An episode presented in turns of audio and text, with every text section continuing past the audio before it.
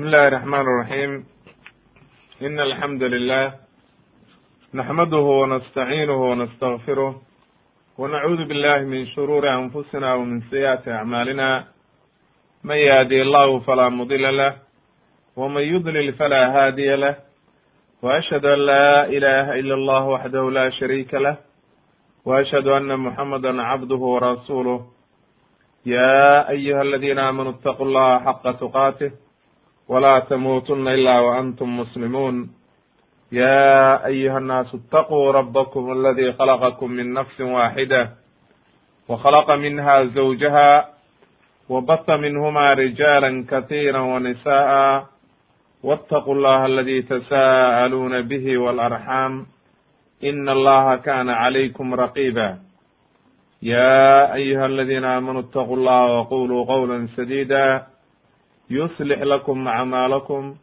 ويغفر لكم ذنوبكم ومن يطع الله ورسوله فقد فاز فوزا عظيما أما بعد فإن أصدق الحديث كلام الله وخير الهدي هدي محمد صلى الله عليه وسلم وشر الأمور محدثاتها وكل محدثة بدعة وكل بدعة ضلالة وكل ضلالة في النار إن شاء الله تبارaka وتaعaalى silsiladii inoo socotay oo qasas alambiyaa ayaynu waxaynu ku dhex jirnay qisatu yuusuf calayhi salaam.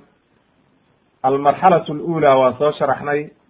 Almarxalatu athaniya fii qisati yuusuf calayhi asalaam marxaladii iyo noloshii labaad oo qisatu yuusuf. Qeybtiisii hore oo waxa weeye ahayd sakiirnimadii iyo dhibaatadii walaalihii u geysteen. Markaynu ka soo gudubnay waxaynu hadda halkan ka bilaabaynaa marxaladii marka labaad oo ah marxalatu lfitan walimtixaan nabiyullahi yuusuf calayhi salaam oo la imtixaamay oo fidno iyo dhibaato iyo waxa weeye mashaakil la kulmay iyo xabsi iyo waxa weeye dhibaato adduunkii kala kulmay ayaynu marka marxaladan insha allahu tabaaraka watacaala waxyaalihii lagu imtixaamay iyo kabacdi siduu ku dambeeyey ayaynu halkan kaga hadlaynaa maanta haddii rabeedno waxaan u qaybinaynaa marxaladan ilaa iyo waxa weeye lix iyo toban qodob ayaynu u qaybinaynaa. Oo waxa weeye mid waxaanu ku soo qaadaynaa marka ugu horeysa gabadhii uu gurigeeda joogay oo imra'at alcaziiz oo waxa weeye naftiisii damaaciday oo roorsanaysa. Iyo aqwaal alculamaa waa qodobka labaad aqwaashii culammadu waxay ka yidhaahdeen hamigii yuusuf uu ku hamiyey iyo hamigii gabadhaasi ay ku hamiday yuusuf farqiga udhexeeya iyo mid walba sida uu yahay. Tan saddexaad waxaynu ka dhigaynaa burhaantii iyo adiladii yuusuf ka celisay macsida inuu ku dhaco gabadhaa markay xumaanta ugu yeerto qodobka afraad waxaynu ka dhigaynaa yuusuf calayhi salaam oo ka cararaya albaabka u cararaya oo ka cararaya macsidii iyo dhibaatadii ay ugu yeerto qodobka shanaadna waxaanu ku soo qaadaynaa shaahidu yuusuf calayhi salaam iyo culummadu waxay ka yidhaahdeen qodobka lixaadna asbaab alasbaab addaaciya alati ijtamacat yuusuf liqubuli ma tadcu lmar'a asbaabtii iyo sababihii keentay oo waxa weeye asbaab badan oo yuusuf waxa weeye laga helay oo u suurta gelinaysay oo ku dhiirinaysay inuu waxa weeye macsi ku dhaco laakiin ilaahay uu ka badbaadiyey ayaynu asbaabtan wax ka sheegaynaa siday culummadu yidhaahdeen qodobka toddobaad waxaan ku soo qaadaynaa dumarkii magaalada oo ceebaynaya gabadhii markay yuusuf roorsatay. Iyadiyo qodobka sideedaadna waxaan ka dhigaynaa iyadoo intay isugu yeertay ay waxa weeye markaas ay u cududaaranayso. Kan sagaalaad waxaynu ka dhigaynaa aqwaal alculamaa fi taqdiici nisa aydiyahun iyagoo dumarkii markay gacmahoodii jareen oo qulna xaasha lilahi ay yidhaahdeen waqadacna aydiyahuna waqulna xaasha lilah qowlkaa iyo culummadu waxay ka yidhaahdeen ayaan ku soo qaadayna qodobka tobnaadna waxaan ka dhigaynaa quruxdii yuusuf calayhi salaam iyo waxa weeye sida uu qurux badnaa iyo adilada ku sugnaatay. Qodobka ku xigana sabarkii uu qaatay ayaynu ku soo qaadaynaa sabirkii yuusuf su u sabray oo macaasidii uga sabray. Qodobka labiyo tobnaad waxaan ku soo qaadaynaa yuusuf oo la xiray. Kabacdina markaa qodobka saddex iyo tobnaad yuusuf oo ku dadaalaya bal suu xabsigii uga bixi lahaa oo waxa weye asbaabtii xabsiga uga bixi lahaa qaadanaya. Qodobka afar iyo tobnaad waxaan ka dhigaynaa yuusuf oo ru'yadii melega ninkii boqorka ahaa ru'yadiisii isaga oo fasiray haddana waxaynu ku soo qaadanaynaa qodobka shan iyo tobnaad dhuhuru dhuhuuru bara'ati yuusuf calayhi salaam. Yuusuf oo waxa weeye ay soo baxday oo caddaatay inuusan gar darayn ee ay naagtii ka gar darayd oo iyadiina ka markhaanti kacayso. Qodobka labiyo tobnaad yuusuf calayhi salaam waxa weye qodobka lixiyo tobnaad oo ugu dambeeya waxaynu ku soo qaadaynaa aqwaal alculamaa fi qowlihi tacaala dalika liyaclama anii lam akunhu bilgayb yaa loo jeedaa qowlkaa ma gabadhii baa le zulaykha mise waxaa iskale waa qowlkii yuusuf calayhi salaam. Intaa marka lix iyo tobankaa qodob ayaan marxaladan. Kabacdina markaa waxaan ugu dambaysiinaynaa fawaa'id. Aynu ka soo qaadanayna marxaladan oo waxa weye aynu ka samaynayno haddii rabbi idmo. Waxaan ugu horumarinaynaa marka insha allahu tabaaraka watacala haddii rabbi idmo. Qodobka koowaad oo odhanaya imra'atu alcaziiz turaawidu yuusuf can nafsi. Imra'atu alcaziiz waa gabadhii ninkii wasiirka ah uu qabay oo uu ku yidhi akrimii mathwaahu casaa an yanfacanaa ow natakhidahu walada. Markuu saa ku yidhi oo yidhi wiilkaan hay oo hagaaji oo waxa weye arrintiisa hagaaji ayay markaa waxay samaysay. Markii dambe oo waxa weeye iyadii iska celin kari weyday wiilkii. Markuu nin raga noqday oo xoogsaday oo xoog yeeshay ilaahayna qurux u dhameeyey ayay waxa weye naftiisii damaaciday oo iska celin kari weyday wiilkii iyadoo ay soo korisay ayay naftiisii nafteedii ka celin kari weyday qaala allahu tacala ilahi waxa uu yidhi waraawadathu alatii huwa fii beytiha can nafsihi wagallaqat alabwaaba waqaalat hayta lak. Qaala macaada allah inahu rabbii axsana mathwaay inahu laa yuflixu alظaalimuun ilaahay aayaddaa wuxuu inoogu caddeeyey inay roorsatay oo waxa weye ay naftiisii damacday tii uu gurigeeda joogay oo naftiisii ayay u soo dhigatay oo waxay doonaysaa inuu zino iyo mashaakil waxa weye ay ku rido. Waqallaqat alabwaaba albaabadii bay xirtay oo waxa weeye gurigiibay intay isagiina gurigiibuu ku jiraa intay isdiyaarisay ayay albaabadii xirtay oo si aan loo soo gelin ayay albaabadii o dhan xirxirtay. Markaasay waxay tidhi qaalat hayta lak.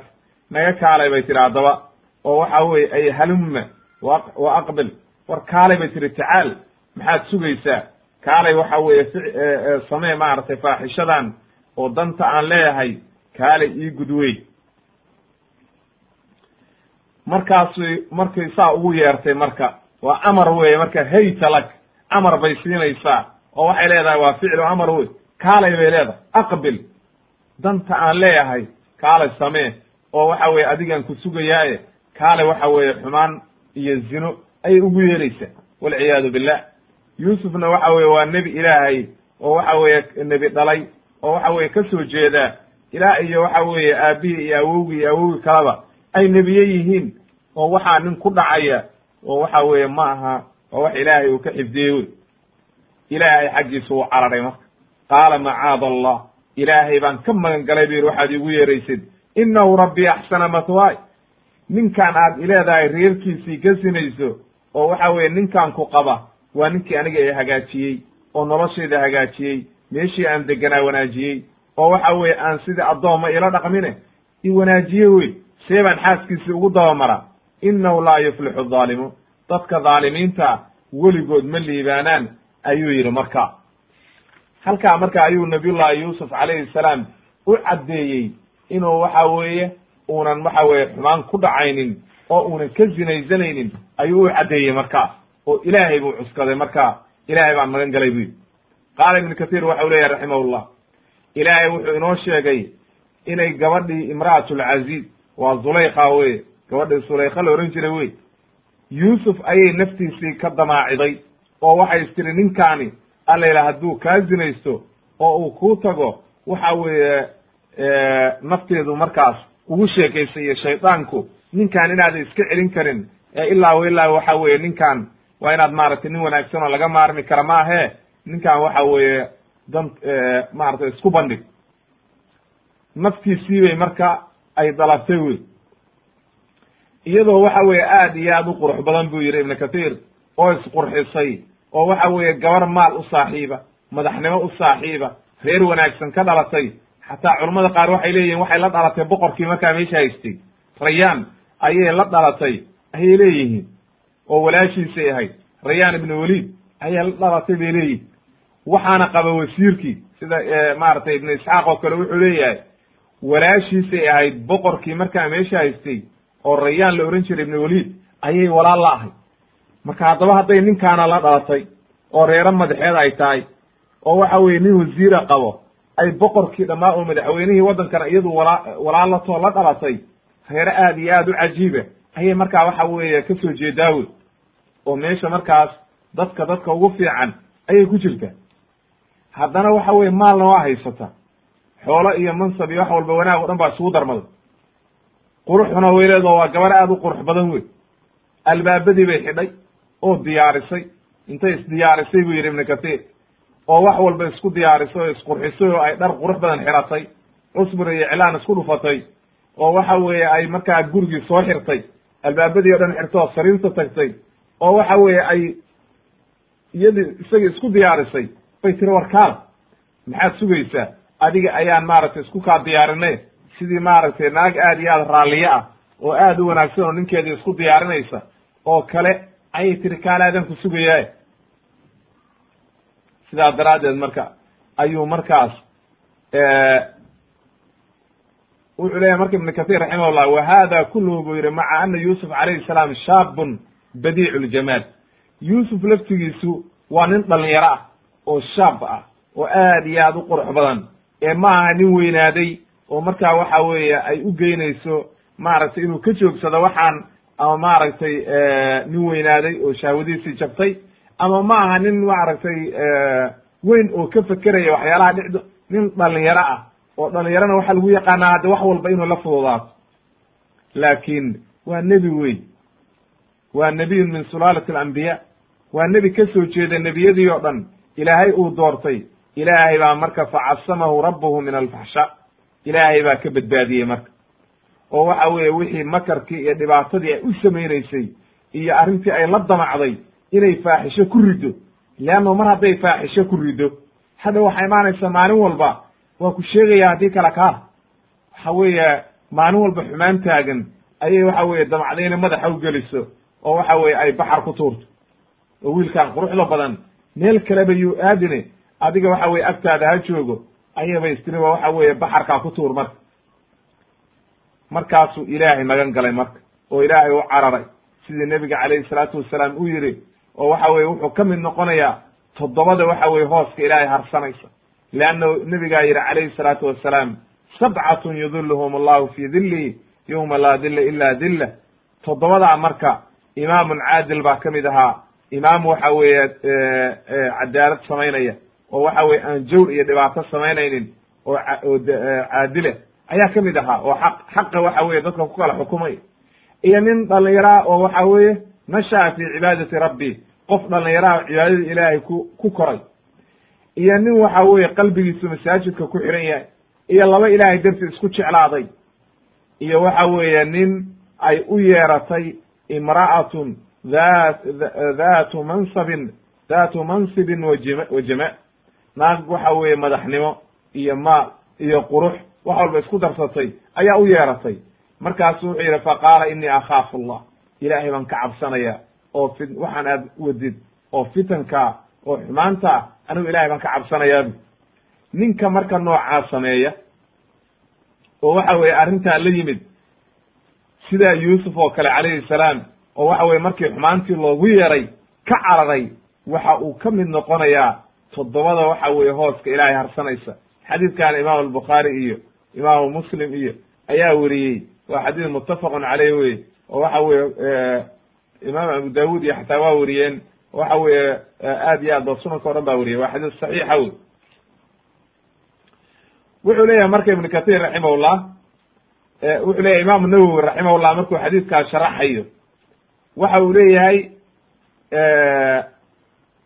walmuraadu buu yihi arrinta loo jeeda waxa weeye buu yihi fi dilli carshihi carshigaa loo jeedaa. Sabcatun yudiluhum allahu fi dilli. Yowma laa dilla ilaa dillo ay dilla carshihi ayaa loo jeedaa ayuu leeyahy xaafid ibn xajar baa marka xadiid keenaya oo caddaynaya inuu oranayo sabcatun yudiluhum allahu fi dilli carshihi. Oo waxa weye xadiidkii salman ayuu maaragtay ka keenaya oo saciid ibnu mansuur uu wariyo xasana ayuu maaragtay ku keenaya. Wuxuu leeyahay marka qowlka marka shaahidka oo macal shaahidku waxa weeye xadiidka aynu u keennay wa rajulun dacathu imra'atun dhatu mansabin.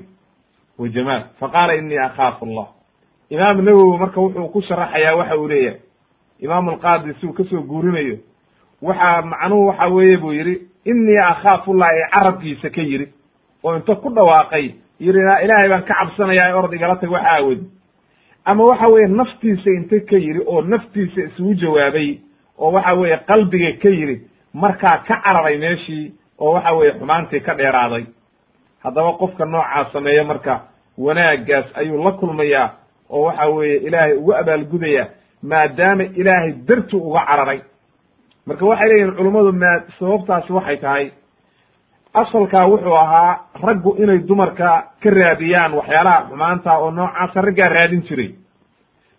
Oo waxa weeye dalbi jiray dumarkii oo waxa weeye zine iyo xumaan iyo ragga ayaa ka doona. Marka maadaama gabadhii iyadu ay soo diyaar garowday oo xumaantii raadinayso oo ninkii ay dalbatay haddana waxa weeye reero madaxeed ay tahay.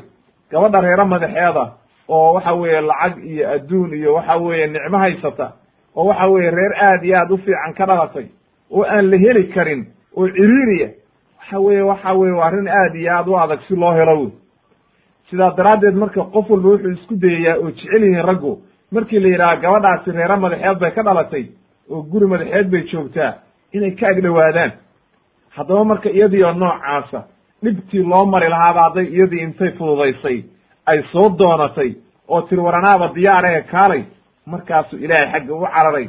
Sidaa daraaddeed baa kutusaysa marka fadliga iyo wanaagga uu leeyahay markaa qofka noocaas sameeya calaa kulli xaal maqsuudka iyo ulajeedadu waxa weye xadiidkaan u keenay nabiyullahi yuusuf calayhi salaam wuxuu ka mid noqday markaa toddobadaa waxa weeye ilaahay hooskiisa harsanaysa leannahu ilaahay darti ayuu uga cararay xumaantaas ay gabadhaas ugu yeertay. Iyadaana u yeeratay oo waxa weeye doonatay wey markaasuu yidhi macaad allah ilaahay baan magan galay. Oo waxa weye anigu ilaahay baan magan gelaya innahu rabbi ay zawjkeeda ayuu u jeeda macnaha zawjkeeda ninkan ku qaba oo aad ileedahay aniga waxa weeye xaaskiisii u dabamar waa ninkii hagaajiyey oo sayidkayga ahaa oo wanaagga ii sameeyey oo markii uu soo gatay ku yiri iyada laftigeeda akrimii matwa. Wanaaji oo waxa weeye ninkan waxa weeye noloshiisa iyo meesha uu degaankiisa iyo dhaqaale oo xumaan ha ku samaynin soo ninkii yidhi ma see baan xaaskiisa ugu dabamaraa ayuu leey innahu laa yuflixu dhaalimuun dhaalimuuntuna waxa weligood ma liibaanayaan. Halkaa marka waxay inooga caddaatay qodobkaa gabadhaasiina iyadu roorsatay ninkaa oo waxa weye ay doontay nabiyullahi yuusuf naftiisii oo dulmiga iyadu ay la timid nabiyullahi yuusufna ilaahay uu ka badbaadiyey waana inoo imaan doontaa habku ilaahay uga badbaadiyey iyo waxa weeye sida maaragtay ilaahay uu uga dhowray aayadaha gadaal bay inooga imaanayaan qodobka labaad marka waxaan ku soo qaadaynaa aqwaal culama fi lfarqi bayna hami yuusuf wa hami lmar'a hamiga asalkiisa waxaa la yidhaahdaa waxa naftu qofka ay ugu sheekayso oo uu doono inuu sameeyo intoona weli samaynin marka qaala allahu tacala ilahi wuxuu yidhi walaqad hamat bihi wa hama biha lowlaa an ra'aa burhaana rabbih kadalika linasrifa canhu suu'a walfaxshaa inahu min cibaadina almukhlasiin hamigaani marka muxuu yahay? Ilahi wuxuu yidhi walaqad hamat bihi. Way ku hamiday oo waxa weeye iyadii horta waaba la garto hamigeedii ficil bay ku dartay iyo waxa weeye inayba raadiso oo waxa weeye ninkan ay ilaa ilaa gacanta ku dhigto oo iyada waaba la gartayba. Hamigeedii marka iyadu nafteeduna waa ugu sheekaysay ficilna waa ku dartay. Laakin wuxuu yidhi ilaahay wahama biha. Isagiina waa ku hamiyey hamigaasi marka muxuu yahay uu isagu ku hamiyey ilahay wuxuu leeyahay lowlaa an ra'aa burhaana rabbi. Marka waxay leeyihiin culummadu culummadu waa isku khilaafeen marka. Qowlkan hamiga ah culummadu waa isku khilaafeen. Waxay marka akharu lmufasiriin waxay leeyihiin qowlka ay soo guurinayaan oo kutubta ku qoran ibnu kathiir wuxuu leeyahay akharu lmufasiriin aqwaasha ay keenayaan reer banu israa'iil baa laga keena oo waxa weeye banu israa'iil bay u badan yihiin oo kutubtoodii laga soo qaaday. Falicraadu canhu awlaa bina in laga jeensado oo aan aqwaashooda la qaadan ayaa habboon buu yidhi oo qowlkoodu ma fiicna leanno waxyaalo badan oo erayo aad iyo aad u qabiixa ayay keenayaan. Ilaa ay leeyihiin dharkiibu intuu iska dhigay oo surweelkii uu furtay oo lugaheedii dhex fadhiistay markuu damcay inuu maaragtay ka zinaysto ayuu markaa waxa weeye burhaantii arkay markaasuu ka carar.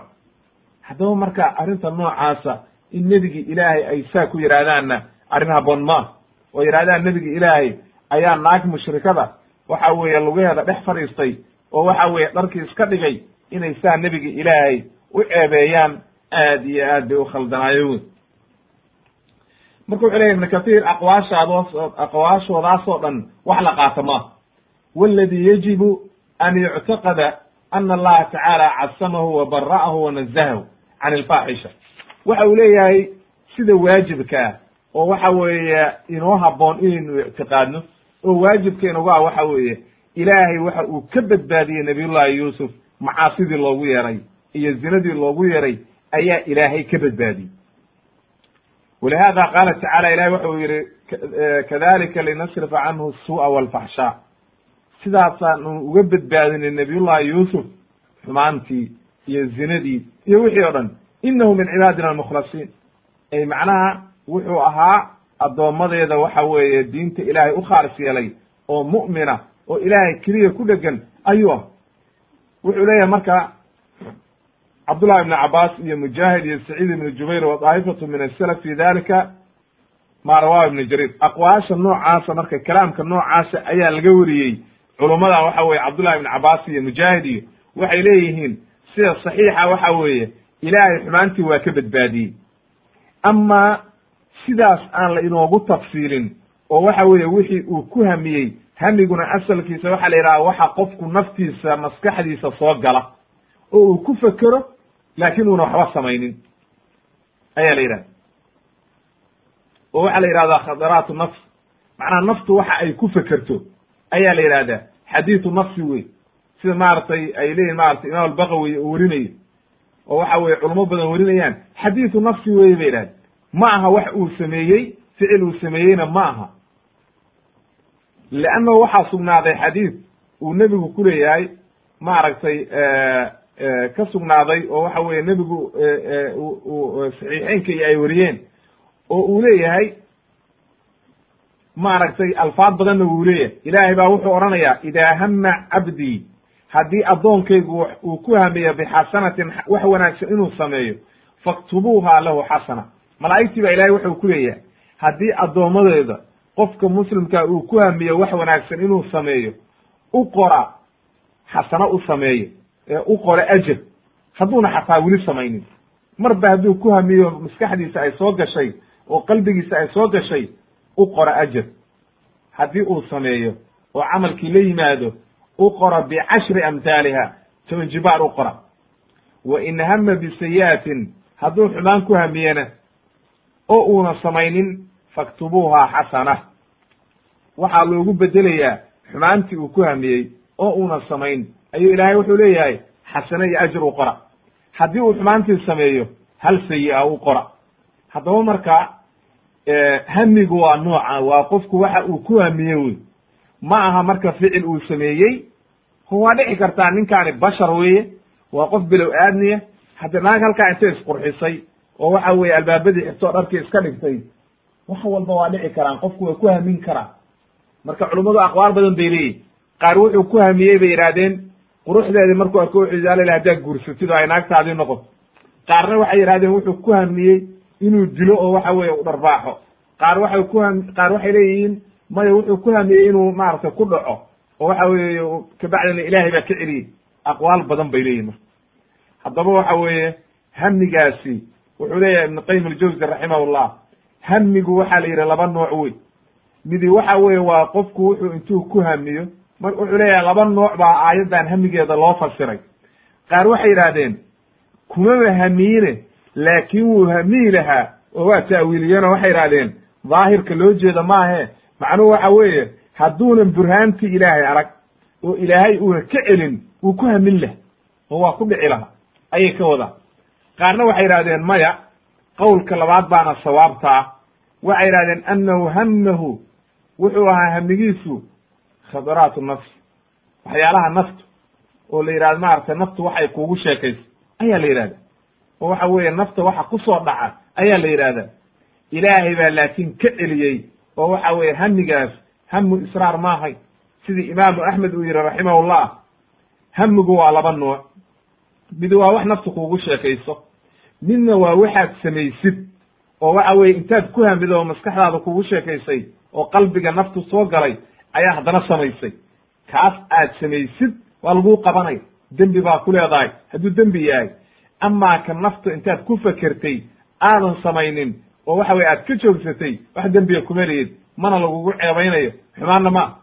Marka sidaa daraaddeed ayuu leeyahay maaragtay ibn qayim hamiga sida saxiixa waxa weeye nabiyullahi yuusuf calayhi salaam waa ku hamiyey laakiin noocee buu ugu hamiyey allahu aclam.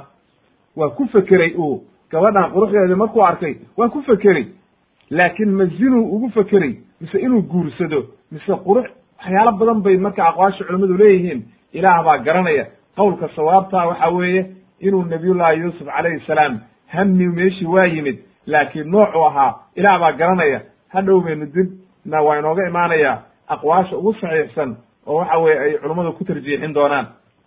Sidoo kale imaam shanqidi wuxuu leeyahay maxamed amin shanqidi raximahullah fi adwaa ilbayaan marki uu sheegay aqwaashii faraha badnayd oo mufasiriintu ay hamigaa ku fasireen ayuu waxa uu yidhi laba nooc weeye. Aqwaashaa faraha badan buu yidhi oo saxaabadii iyo mufasiriintii laga weriyey waa laba nooc buu yidhi. Nooc waxa weeye waa daciif buu yidhi oo maba sugnaba oo waxa weeye hebel baa yidhi baa loo tiirinaya laakiin wax saxiixa maba ahaba. Ayuu leeyahay mid maaragtay qowl waa noocaas buu yidhi. Oo sanadkiisaaba daciifa oo saasay uqaybsamaan noocna waxa weeye waa saxiix buu yidhi. Oo waxa weeye waxayna ictimaadeen buu yidhi waxyaalihii maaragtay reer banu israa'iil ayay ictimaadeen buu yidhi. Sidaa daraaddeed ma habboona buu yidhi mana fiicna buu yidhi. Loomana baahna qofka muslimkaana inuu waxa weeye qaato ma habboona. In la yidhaahdo nebigi ilaahay ayaa naag kaafirada oo waxa weeye ajnebiyada oo uunan qabin. Intuu ku hamiyey labadeeda lugood dhex fadhiistay oo waxa weeye damcay inuu ka zinaysto waxa in la yidhaahdo waa baatil buu yidhi sida saxiixa marka waxa weeye buu yidhi. Hamigiis uu ku hamiyey wuxuu ahaa buu yidhi xadiisu nafsi wax naftu uu ku hamiyey laakiin kuma uu dhicin buu yidhi. Ilaahay baana ka badbaadiyey. Sidaa daraaddeed marka qowlka saxiixa waxa weeye nabiyullahi yuusuf calayhi salaam hamigaasi waxa weeye nafta ayay ahayd laakiin wax uu sameeyey oo waxa weeye ka dhacay ma ahayn kumana uu talagelin inuu waxa weeye naagtaa zino ugu dhaco waxa weeye xaashaahu. Aad buu waxa weeye uga maaragtay nazahan yahay. Xumaanta noocaasa isagoo nebi ilaahaya in uu waxa weeye ku fekero agtiisa ma taal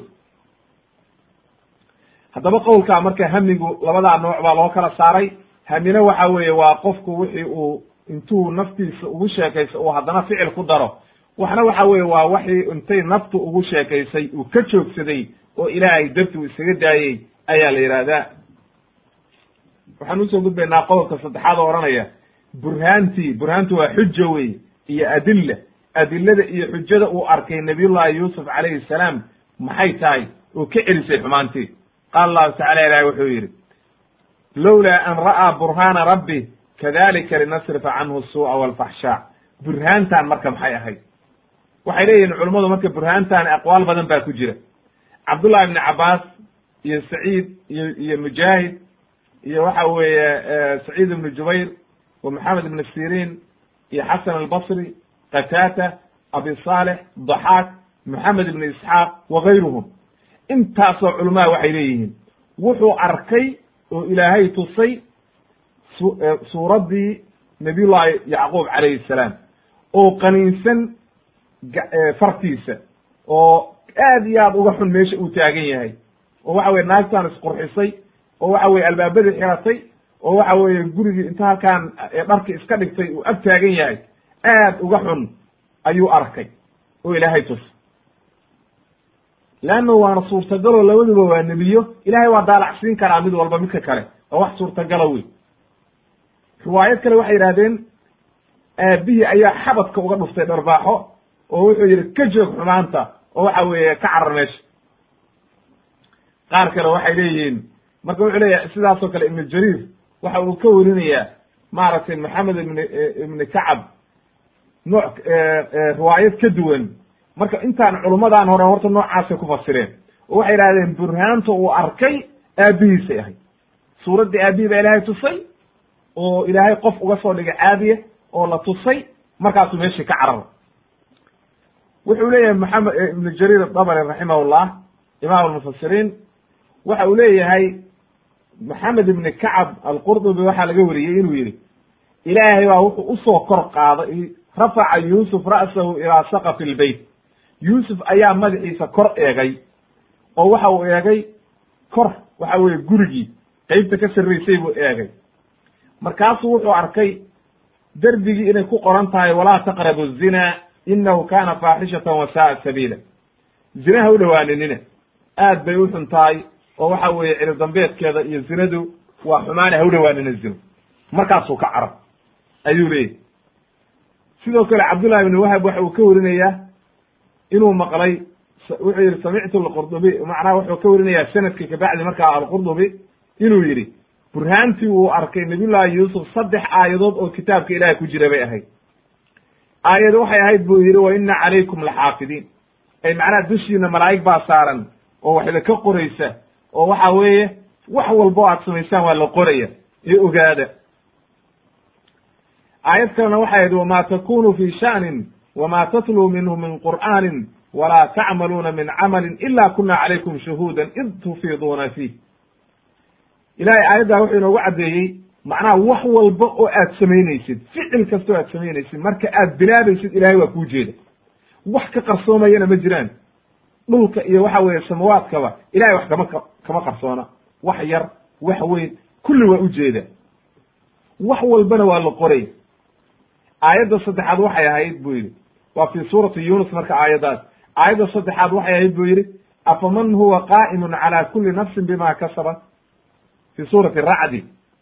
Waxau yidhi macnaha ilaahay ma ma waxaa isla mid a macnaha ilaahgii subxaana qaadirkaa oo wax walba og.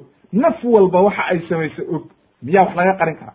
Haddaba markuu aayadahaa arkay nabiyullaahi yuusuf ilaahay aayadahaasuu tusay buy markaasuu ka cararay meesha ibnu jariir aqwaashaas oo dhan markuu keenay.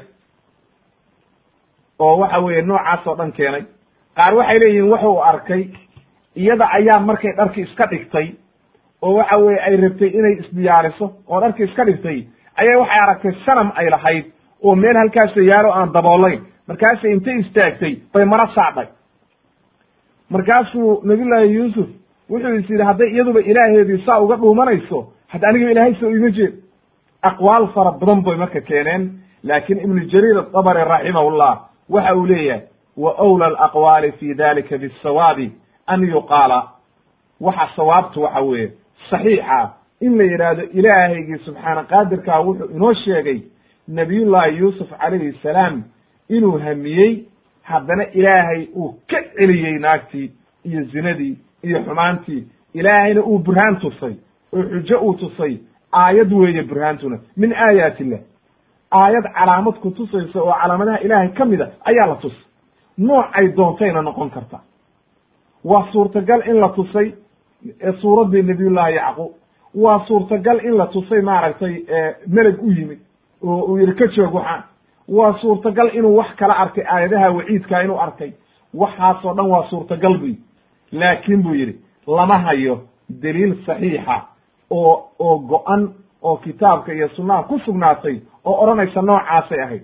Sidaa daraaddeed marka waa in sidaa ilaahay uu u yidhi loo daayo oo aan midna la jesmin oo la odhanin taasay ahayd taasay ahayd. Midna lama odhanayo haddii la yidhaha taasay ahayd taasay ahayd waa cilmi geyb wey wax cilmi geybana ilaahga subxaana qaadirkaabaa og sidaa daraaddeed ilaahay nabiyullaahi yuusuf xujo ayuu tusay iyo calaamad aayad ka celinaysa xumaanta.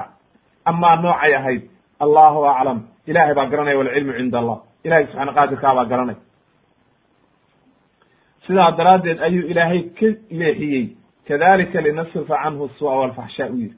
Ay macnaha siduu halkaa aayaddaas marka wuxuu leeyahy ibnu jariir ay macnaha siduu ilaahay uga leexiyey oo macnaha nabiyullahi yuusuf calayhi salaam burhaantii aan tusnay ayaan xumaantaasoo dhan kaga celinay sidaa daraaddeed marka qof walba oo mu'mina oo ilaahay ka baqa oo ilaahay camalka u khaalis yeela ilaahay saasuu ugu maaragtay uga leexinayaa xumaanta oo dhan weeye una badbaadinayaa markay arrinta dhibaatadaasi ay ku timaado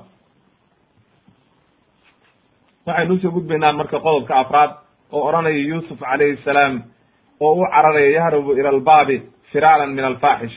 Yuusuf markuu aayaddii arkay oo xujadii arkay ilaahay ayuu albaabka u cararay marka oo ka cararo wuxuu is yidhi allayla marka naagtan iyo agagaarkeeda iyo meeshay joogto isaga carar marka. Qaala allahu tacala ilahi wuxuu yidhi wastabaqa albaaba waqadat qamiisahu min duburin wa alfayaa sayidaha lada albaab qaalat ma jazaau man araada biahlika su'an ila an yusjana aw cadaabun aliim macnaha haraba min albaab. Ilahay wuxuu inoogu caddeeyey aayaddan nabiyullaahi yuusuf wuu cararay. Gurigii meeshii ay joogtay iyo waxa weeye albaabadii ay xirtay ile meeshan iyadaa soo xirtay waa labadooda keliya. Orod buu isku sii daayey oo wuu cararay oo wuxuu u cararay maaragtay albaabka xaggiisii. Si uu u furo albaabkii oo uga baxo oo banaanka u cararo. Markaasa iyadiina ka soo dababooday waa naag shaydaan wata wey joogsan maysa marka. Waa ka soo dababooday oo waxa weeye hadda waa nin oo ma gaari kartee dhabarka ayay inta qabsatay. Kamiiskii gadaal intay ka qabsatay ayay gadaal ka jeexday marka. Istiri soo qabo isagiina waa cararay. Xooggii marka uu u cararayey iyo xooggay u qabsatay kamiiskii baa kala dilaacay marka. Ilahay wuxuu yidhi marka wa alfa yaa sayidaha la dalbaab. Mise ninkeedii baaba albaabka taagan.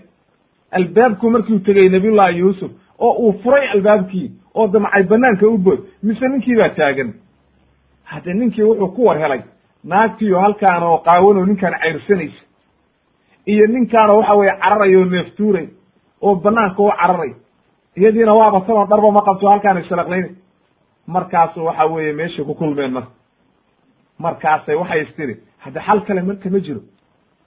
Naagtaan aragiye ninkaani meeshii ama laba waa mid wey ninkaan inuu naagtii qabsaday oo waxa weeye ay faraxumayn iyo boob intuu yimid oo soo qabsaday uu cararayo oo ay cayrsanayso iyo inay iyadu cayrsanayso labadaa waa mid wey iyadii baa hadashay marka. Halkaa marka ayay dumarku waa khatar wey khiyaanadooda iyo dhibaatadooda markaasay halkaa hadashay. Oo waxay tidhi ma jazaau man araada biahlika suu'an ila an yusjira cadaabun alim maxay noqonaysaa ninkeedii bay la hadlaysaa?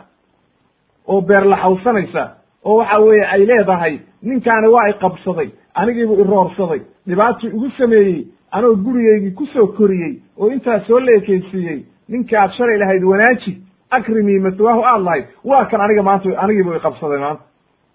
Markaasay waxay tidhi ma ma jazaau?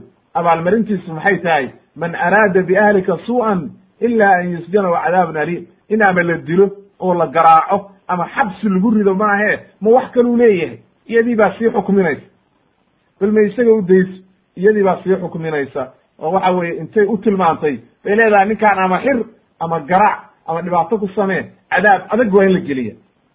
Ittahamathu marka. Iyadii baa markaa been bay way ku been abuuranaysaa marka.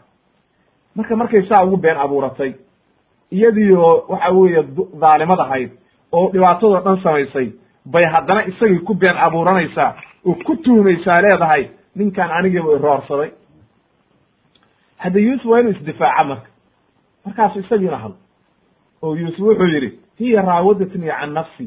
Hor iyadaa iroorsatay oo meelaa ka gala waaye oo nafti ii keentay oo waxa weye dhibaatadoo dhan iyadaa keentay anigu beri baan ka ahay waxaan iyadaa dhibta wada. Hadda see lagu kala xukminayaa marka. Labadii niiba midna mid walba wuxuu leeyahay anaa lay roorsaday oo waxa weye dhibaatada laygu sameeye kee marka gar daran? Keese waxa weye xaq leh hadda marka waxa weye markhaantigaad u baahantihin iyo waxayda kala xukmiyo wey halkaa marka ayaynu u imaanaynaa qodobka odhanaya shaahidu yuusuf calayhi salaam. Aqwaal alculamaa fi shaahidi yuusuf calayhi salaam. Halkaa marka markay arrintii gaartay dadkaani guri bay ku jireen. Cid gurigii la joogtay ma jirto. Cid uga markhaantiya oo waxa weeye uu nin walba qof walba odhanayo hebel baa iga markhaantiya ma jiro. Ilaahay hadduunan markhaanti marka halkaa keenin arrintu waa adkaanaysaa marka oo aad iyo aad bay khatar u noqonaysa qaala allahu tacala ilahi wuxuu yidhi washahida shaahidu min ahliha in kaana qamiisahu in kaana qamiisuhu qudda min dub min qubulin fasadaqat wa huwa min alkaadibiin wuxuu yidhi ilaahay waxaa ka markhaanti kacay mid ka markhaanti kacaya oo ehelkeeda ka mid ahaa iyada ehelkeeda ka mid ahaa oo qaraabadeeda ahaa waxa uu yidhi markaa markhaantigii in kaana qamiiso qamiisuhu ma uu oranin iyadaa gardaran ama isagaa gardaran w calaamad buu bixiyey. Qofkii calaamadaa laga helo ayaa gardaran buu yidhi. Kii calaamadaa laga helana waa saxanyi calaamad buu marka keenay. Wuxuu yidhi in kaana qamiisuhu qudda min dub min qubulin. Haddii qamiiskiisu horay ka jeexan yahay bu yidhi. Horta qamiisku waa jeexan yahy oo meel unbuu ka jeexan yahay. Hadduu marka horay ka jeexan yahay buu yidhi. Fa sadaqat run bay sheegtay. Oo ninku isagaa roorsaday gabadha wa huwa min alkaadibiin isaguna waa beenlo wey leanna sababtu waxa weeye waxay markaa noqonaysaa inuu ku soo ordayey oo xoogayey iyaduna iska celinaysay. Markaa ay ka jeexday qamiiska oo waxa weeye ay mar walba iska dhifanaysay oo waxa weeye horay bay marka dagaalku horay buu yaalla oo qeybtaan hore ayay gacanteedii iyo waxa weye jeexiddii ku dhacaysa wa in kaana qamiisuhu qudda min duburin haddii laakiin qamiiskiisu uu dhabarka ka jeexan yahay fakadabat iyadaa beenlo oo ninkaani waa cararayey iyaduna waa cayrsanaysay oo waxa weye waa soo qabsanaysay oo waxay lahayd kaalay waxa weye haga tegine waxa weye xumaan bay raadinaysa wa huwa min asaadiqiin isagaa run sheegay. Halkaa marka markuu arkay oo waxa weeye uu arkay odagii inay waxa weye qamiiskii gadaal ka jeexan yahay ayuu markaa wuxuu yidhi ilaahay falama ra'aa qamiisahu qudda min duburin qaala inahu min kaydikun mar alla markuu arkay inuu qamiiskii gadaal ka jeexan yahay ayuu yidhi waa sirtiinnii iyo khiyaamadiinnii iyo dhibaatadiinnii ina kaydakuna cadiim. Waxa weeye dhagartiinna iyo masiibada aad samaysaan iyo khiyaanadiinnu aad bay u adag tahay. Oo wax dhib badan wey dhibtaan oo dhanna idinkaa sameeyey adaa sameeyey ninkaan miskiinkaana adaa roorsaday adaa dulmiyada oo dhaalimada oo dulmiga o dhan wada wey halkaa marka markay arrintii gaartay culummadu waa isku khilaafeen marka. Shaahidu yuusuf culummadu waa isku khilaafeen. Ninkaani xaggee joogay markhaantiga ka kacay. Oo ka markhaanti kacay oo yuusuf u markhaanti kacay oo arrintii kala saaray xaggee buu ku jiray isagu. Ilan labadan qof guriga waa xiraa naagtaani intay isdiyaarisay ilaahay wuxuu inoo sheegay waqallaqat alabwaab albaabadii o dhan bay xirtay. Gurigiina way xirtay albaabadii gudahaana lagu jiray xaggee yuusuf ku ji ninkaani ku jiray marka culummadu waxay yidhaahdeen kaana sabiy wiil yar buu ahaa fi lmahdi ilmo yar sabi buu ah shaahidkaa ka markhaanti kacay ilmo yar oo guriga jiifa oo waxa weeye xoolka ku jira oo aan weli hadal gaarin ayuu ahaa dhowr bilood jira ama waxa weeye sanad ba weli gaarin oo aan weli hadlin ayuu ahaa ilahay baa ka hadal siiyey. Qowlkaa marka culimo badan baa leh. Cabdullahi ibni cabbaas baa laga werinaya waxaa laga werinaya abu hurayra waxaa laga werinaya hilaal ibni isaaq waxaa laga werinaya xasan albasriy waxaa laga werinaya saciid ibni jubayr daxaak baa laga werinaya ibnu jariirna waa doortay oo saasuu waxa weeye rajaxay iyo ibnu kathiir iyo waxay leeyihiin wuxuu ahaa sabi ilmo yar buu ahaa oo waxa weye xoolka ku jiray oo ahalkooda lahaa iyadu kollay ma dhalin ba layidhi oo waxa weye iyadu ilmo ma dhalin laakiin waxay leeyihiin ilmo yar oo ahalkeeda oo qaraabada u keensadeen ayuu ahaa oo waxa weye guriga dhinac ka jiifay ayuu ahaa ayay leeyihiin culummadu qaar kale waxay leeyihiin maya wuxuu ahaa nin buu ahaa weyn oo waxa weeye nin caadiya buu ah baa laga warinaya cabdullahi ibn cabaas iyo cikrama iyo mujaahid iyo ay leeyihiin iyo kataate iyo sudi iyo maxamed ibn isxaaq iyo ay leeyihiin maya nin caadiya bu ah sabi ma ahayne nin caadi o laakiin inuu sabi ahaa oo ilmo yara ahaa axaadiis waxaa ku soo arooray xadiis daciifa ayaa ku soo arooray oo culimmadu aad u keenaan mufasiriintu laakiin xadiiskaa waa daciif wey marka waxa weye calaa kulli xaal qowlku wuxuu u badan yahay oo culummadu u badan yihiin inuu ahaa ilmahaasi ilmo yar oo waxa weye xawlka ku jira oo sabiya oo waxa weye sariirta ilmaha yarkaa lagu rido ku jira oo halkaa jiifa inuu ahaa ayay culimmadu badan yihiin sida waxa weye ibnu kathiir saasuu leeyahay ibnu jariir dabari saasuu leeyahay culummadoo dhan saasay u badan yihiin oo waxay leeyihiin ilmo yar buu ahaa ee maaha ninkaani nin weyn ma ahayn ayay leeyihiin laakiin calaamadda uu bixiyey oo uu ugu markhaanti kacay waxa weeye haddii qamiiskiisa buu yidhi. Oo waxa weeye haddii in kaana qamiisuhu qubda min qubulin fasadaqat wahuwa min alkaadibiin.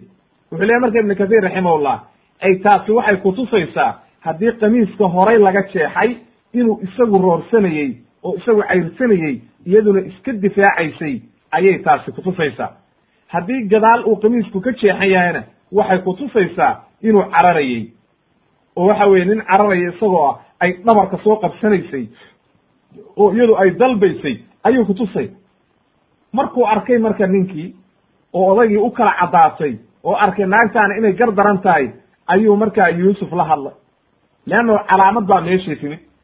Iyadii horta la hadlo wuxuu yidhi innahu min kaydi kunna waa xumaantiinii iyo khiyaanadii iyo dhagartii dumarka weeye.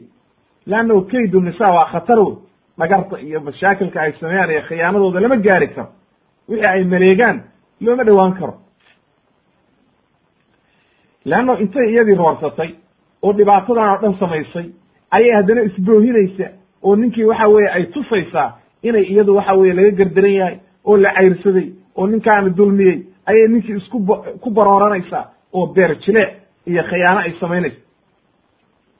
Waxaa haddaba laga fahmaya aayaddan waxyaalaha qariinada ah haddii ay waxa weeye tusayso oo inay maaragtay waxaasi waadix tahay oo calaamadaha kutusaya inay masalan qofkaani uu gar daran yahay inaa waxa weeye markaas calaamadiisi calaamadaas daahirka waa lagu dhaqmaya. Masalan qofkaani haba isboohiyo ha baroorto ha yidhahdo waa laga gardaran yahay laakiin hadday meesha yimaadaan calaamado kutusaya inay waxa weye isagoo gardaran yahay waxa weya markhaantina la helin. Arrinta waa loo kaadinay oo waxa weye ma aha in waxa weye qof walba isboohinaya ama waxa weeye beerjileec la yimaada in la leeyahay adaa garda adaa lagaa gardaran yahay ma. Markaasuu la hadlay nabiyullahi yuusuf. Waxa uu ku yidhi yuusufu acrid can haada ka jeenso faraha ka qaad. Naag dulmi badan wey xumaan bay samaysay. Adigii guriga joogay oo waxa weeye ilmihiisi ilmihii yarkaa bay roorsatay. Faraha ka qaad buu yidhi marka oo waxa weye acrid can haada ay macnaha qofna ha u sheegin warkaan. Qari arrintan. Inaad qarisid baa wanaagsan oo waxa weye aadan sheegin suuqayay ku faafin ee arrintan qari wey iyadii ma uu kuma uu xanaaqin dhibaato kuma samaynin oo waxa weye ninkii ma umasayrinba naagtiisiyo halkaan waxa weye nin iska roorsanaysa.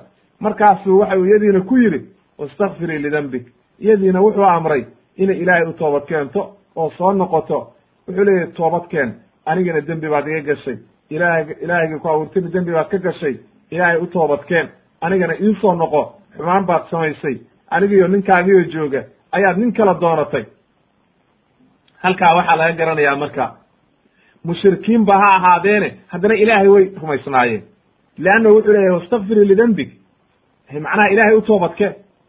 Marka gaaladii iyagoo mushrikiinaba ilahay haddana way rumaysan yihiin hatay maaragtay carabtii qurayshba markii la weydiiyo ay lahaayeen mar walba la weydiiyo yaa ida abuuray ilahay baana abuuray yaa idin risaaqa allah kulli marka ilahay waa rumaysan yihiin ee cibaadadii bay u diidan yihiin inaki kunti min alkhaabi'iin waxaad noqotay buu yidhi mid dembi weyn gashay oo khalada oo waxa weye aad iyo aad u khaldan ayaa tahay. Ee waxa weeye toobadkeen oo soo noqo oo ilaahay ka cabso ayuu yidhi. Halkaa marka waxaa ka caddaatay in waxa weeye nabiyullahi yuusuf calayhi salaam ninkii waxa weye iyadiina uu saa markii markhaantigii uu kala caddeeyey ayuu markaa isagiina cadaalad xukumay. Oo waxa weeye ninkii cadaalad xumo ma samaynin. Oo mar walba ma u oran yuusuf adaa gar daran. Ee markuu arkay in laagtaana ay gar daran tahay ayuu yihi yuusufow iska sabir oo dul qaado. Oo waxa weeye iyadiina wuxuu amray inay ilaahay ka cabsato oo toobad keento ee waxa weeye xaqdarro iyo jawr ma uu samaynin. Haddaba markhaantiga yuusuf intaa weeye oo waxa weeye waxa uga markhaanti kacay ilmahaas yarka ah oo sariirta saaraa ayaa ka markhaanti kacay arrintii yuusuf wey. Ama ilaahaydii subxaan qaadirka ahaana waa ka markhaanti kacay oo waxa uu caddeeyey dhowr arrimood. Inuu waxa weeye yuusuf arrintaa beri ka ahaa. Ilaahay wuxuu yidhi kadalika linasrifa canhu suu'a walfaxshaa inahu min cibaadina almukhlasiin marka ugu horreysa ilaahay waxa uu yidhi xumaantii o dhan waa ka leexinay. Macnaha zinadii loogu yeeray iyo xumaantii waa ka leexinay buu yidhi ilaahay. Marka labaadna wuxuu yidhi zinadiina waa ka duunay oo faxshaa waa zinada. Marka saddexaadna ilahay wuxuu yidhi inahu min cibaadina almukhlasiin. Qofka mukhlaskaa oo ilaahay camalka u gaar yeelayna haddi xumaan iyo zine iyo bakti kuma dhaco. Haddaba marka halkaasay ka caddaatay nabiyullahi yuusuf calayhi salaam ilaahayna inuu ku markhaanti kacay oo caddeeyey inuu yuusuf waxaasoo dhan beri ka yahay inuu caddeeyey siduu ilaahay aayad kale u lahaa وعباad الرحمن الذيna ymشhuna عlى الأرضi hwna وإida khاaطبهم الجاhiluuna qaluu سلاama ay macnaha waxaa ku jirtay addoommada ilaahay oo waxa weeye mukhlasiinta inay sifaatkaa leeyihiin oo waxa weeye inay yihiin kuwa aan waxa weye dulmi iyo xumaan oo dhan beri ka ah walaa shaka ana yuusuf min almukhlisiin. Inuu yahay addoommada ilaahay oo camalka u khaalis yeelay sidaa ilaahay ugu tilmaamay ayuu yahay wey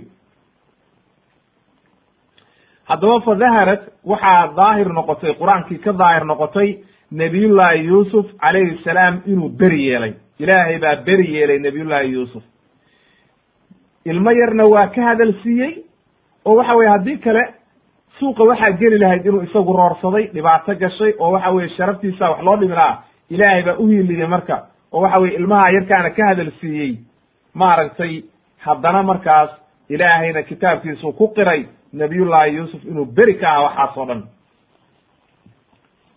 Haddaba marka waxaynu u soo gudbaynaa marka qodobka lixaad oo odhanaya alasbaab addaaciya alati ijtamacat yuusuf calayhi salaam liqubuli ma tadcu lmar'atu ilayh nabiyullaahi yuusuf calayhi salaam asbaab baa jirtay.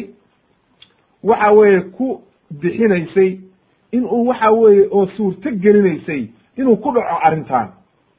Leannahu dadka mar waxaa jirta qofka cajzi iyo waxa weeye intii arrintii uu awoodi kari waayo inuu faraha ka qaado.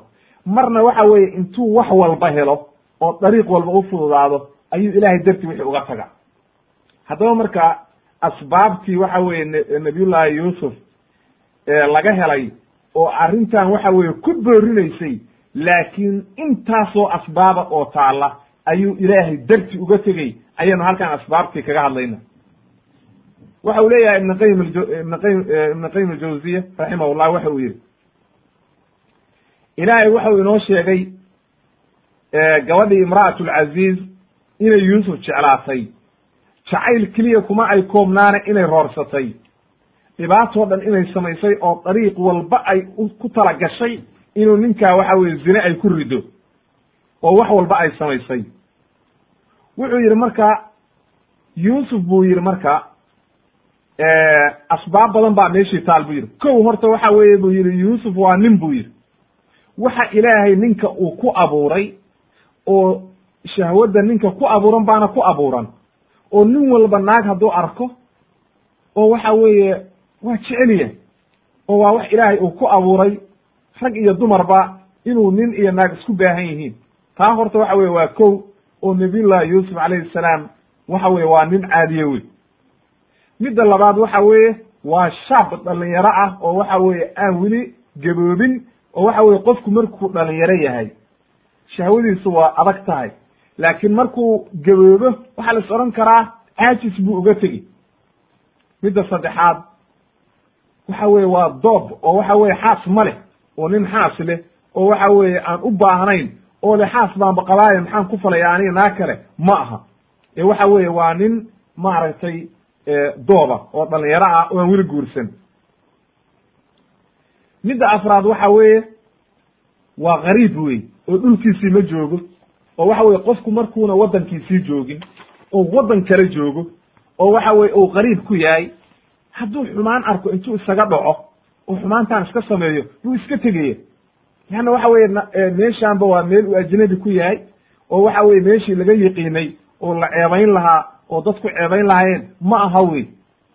Qodob midda shanaad waxa weeye gabadhaani waa gabar madaxnimo iyo lacag iyo hanti iyo waxa weeye qurux iyo wax walba ilaahay isugu daray. Marka nin iska celin kara waa yiri haddaan ilaahay ka celin. Midda lixaad waxa weeye sababta lixaad iyadii baa soo doonatay ee isaguma doonan. Waana kala duwan yihiin ninka markay naaga u yeerato.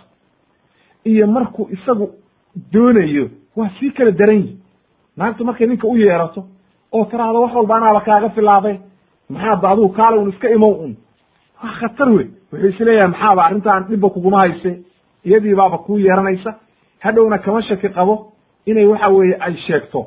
Leanno iyadii baaba dalbatay. Midda toddobaad waxa weeye iyadii maadaama ay dalbatay oo juhdi kasta samaysay albaabadii ay xirtay meel walba ay samaysay.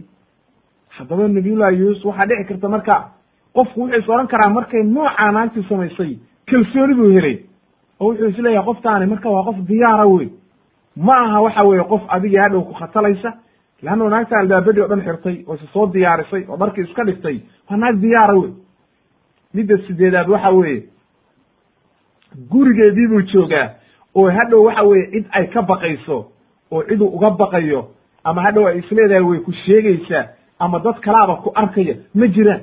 Gurigii bay ku jiraan albaabadii o dhanna way xirto midda sagaalaad waxa weeye kama ay cabsanaysa inuu sheego inay sheegto. Leanna iyadaa dalbanaysa. Marka ninku hadduu naagtii dalbado ama xoogo wuxuu ka baqayaa inay sheegto. Laakiin haddayba iyadii doonanayso oo iyadii waxa weye arrintaana ay wado xaggee bay waxa weye ay ka sheegaysaa. Ma ka sheegaysa wey mana u ka cabsanaya inay sheegto. Midda koob iyo tobn midda tobnaad waxa weeye sida daahirka ah nabiyullaahi yuusuf markaas waa nin addoona wey oo mamluugoo la leeyahay qofka mamluugaana waxba ma kala jecla. Oo waxa weye sharaf iyo waxba ma egaye hadduu doono wax walba intuu iska sameeyo. Bal nin waxa weeye mamluuga oo waxa weye addoona oo waxa weye naagtii lahayd u yeeranayso oo leedahay kaalay iga zinayso. Hada qof addoon iska celin kara waa yeri. Hadaa ilaahay ka celi. Midda koob iyo tobnaad waxa weeye waxay aad iyo aad ugu dadaashay inay ama cabsi geliso oo markii hore u dhaa markii dambe u dhaaratay oo tira haddaadan arrinta aan sa aan kaa doonaya aadan samayn xabsigan kugu ridaya cabsi bay geli. Taana waxay keenaysaa markaa inuu cabsado yidhaahdo bal waayo waxa artaan kuu samaynaya iga daa xabsiga. Le xabsi waa dhibaatee waxaa kaloo midda labiyo tobnaad waxa weeye midda labiyo tobnaad inay xabsigaa iyo waxaa ugu goodiday.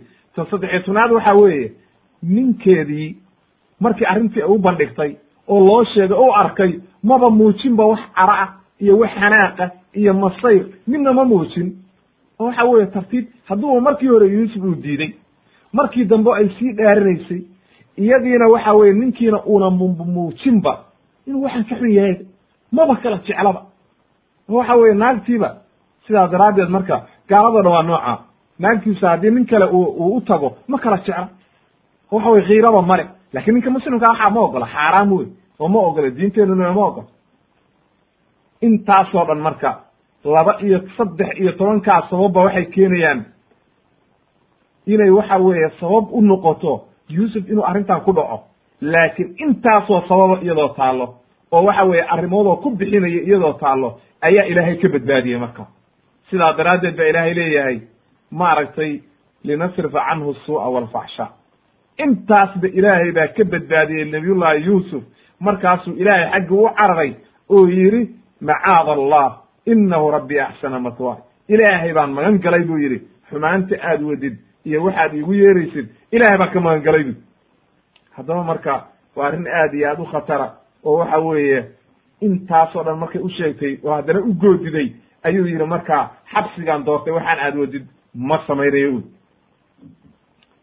sidoo kale wuxuu yidhi marka ibnu kathir raximahullah wuxuu yidhi ibnu qayim raximahullah waxaad ogaataa buu yidhi arrinta noocaasa qof awoodi kara ma jira buu yidhi. Ilaa qof ilaahay uu ka arrintan uu ka nabadgeliye mooye. Leanna intaasoo sababaa meeshii taalla oo waxa weeye qofkaan u fududaynaysa inuu waxaan ku dhaco haddaba qofkaan ilaahay ka magangelin. Waxa weye kama magangelayo wy ilaahay baa marka ka magangeliyey oo waxa weye ilaahay buu ka magan galay isaguna ilaahay buu ka beryey inuusan noqon kuwa jaahiliinta sidaa daraaddeed ayaa ilaahay ka kaxeeyey oo ka nabadgeliyey oo waxa weeye fawaa'id cajiiba ayay waxa weye meesha markaa ka caddaatay wey sidoo kale wuxuu yidhi haddana ibnu qayim raximahullah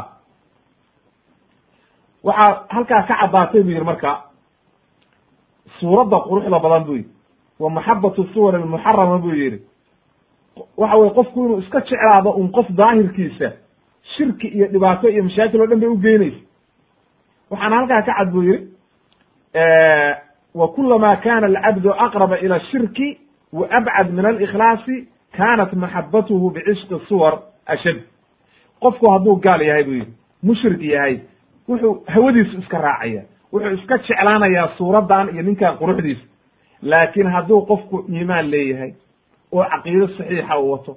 Ilaahigii subxaana qaadirkaa mar walba fiirinaya markaasu waxa weeye fiirin maya gabadhan quruxdeeda ama ninkan quruxdiisa gabadhu fiirin mayso hadday mu'mino tahay ee waxay eegayaan ilaahayga subxaana qaadirka ahaa ayay eegayaan marka. Oo waxa weye markaas ayuu ka digtoonaanaya. Sidaa daraaddeed buu ilaahay ku gebagabeeyey maaragtay kadalika linasrifa canhu suu'a walfaxshaa inahu min cibaadina almukhlasiin marka nabiyullahi yuusuf calayhi salaam asbaab badan baa jirtay oo waxa weeye ku boorinaysay inuu waxaan ku dhaco laakiin ilaahay baa ka badbaadiyey oo waxa weye ka nabadgeliyey oo waxa weye ilaahayga subxaana qaadirka ayaa waxa weye ka badbaadiyey wey sidoo kale wuxuu yihi ibn qayim raximahullah falmar'atu alcaziiz lama kanat mushrikatan waqacat fi ma waqacat fiih markay gaalad ahayd waxaas ay ku dhacday iyo xumaanta ayay ku dhacday bu yidhi maca kowniha data zawj iyadoo la qabo weliba. Wa yuusuf calayhi salaam lama kana mukhlisan lilahi tacaala najaa min dalika maca kownihi shaaban isagoo waxa weye shaab ah oo dhalinyaro ah oo aan xaas lahayn oo keligiisa oo halkaa waxa weye xaas u baahan ayaa intaasoo dhan ilaahay ka badbaadiyey iimaanka wey marka waxa keenaya. Haddaba halkaa waxaa ka garanaysaa iimaanka inuu cajiib yahay oo waxa weeye aad iyo aad u wanaagsan yahay. Kitaabkiisa arrintaa wuxuu kaga hadlay igaasat lahfan min masaayid ashayطan ayuu kaga hadlay ibn qayim raximahullah safxada shan iyo konton iyo shan iyo safxada maaragtay afar boqol sagaashan iyo labo iyo waxa sagaashan iyo saddex. Ayuu kaga hadlay. Labadaa meelood buu ku keen. Waxaynu u soo gudbaynaa marka qodobka toddobaad oo odhanaya nisaau lmadina dumarkii magaalada joogay oo waxa weeye wax ka sheegaya yadacanna imra'at alcaziiz waxay ceebaynayaan oo waxa weye xumaanteeda sheeg sheegayaan. Markay arrintii maqleen gabadhii waxa weeye yuusuf roorsatay ayay markaa ceebaynayaan oo magaalada warkeedii ay marinayaan. Qaala allahu tacala ilah wuxuu yidhi wa qaala niswatun fi lmadinati imra'atu alcaziizi turaawidu fataaha can nafsi. Qad shagafahaa xuba ina lanaraaha fi dalaalin mubiin. Ilahay wuxuu inoogu caddeeyey aayaddaas dumarkii magaalada hadlay ee dumarkii macnaha iyada ay isku ageka ahaayeen isku loodka ahaayeen madaxdu qabeen isku gareedka ahaayeen ayaa hadlay. Waxay yidhaahdeen waxaanu aragnaa imra'atu alcaziizi turaawidu fataaha.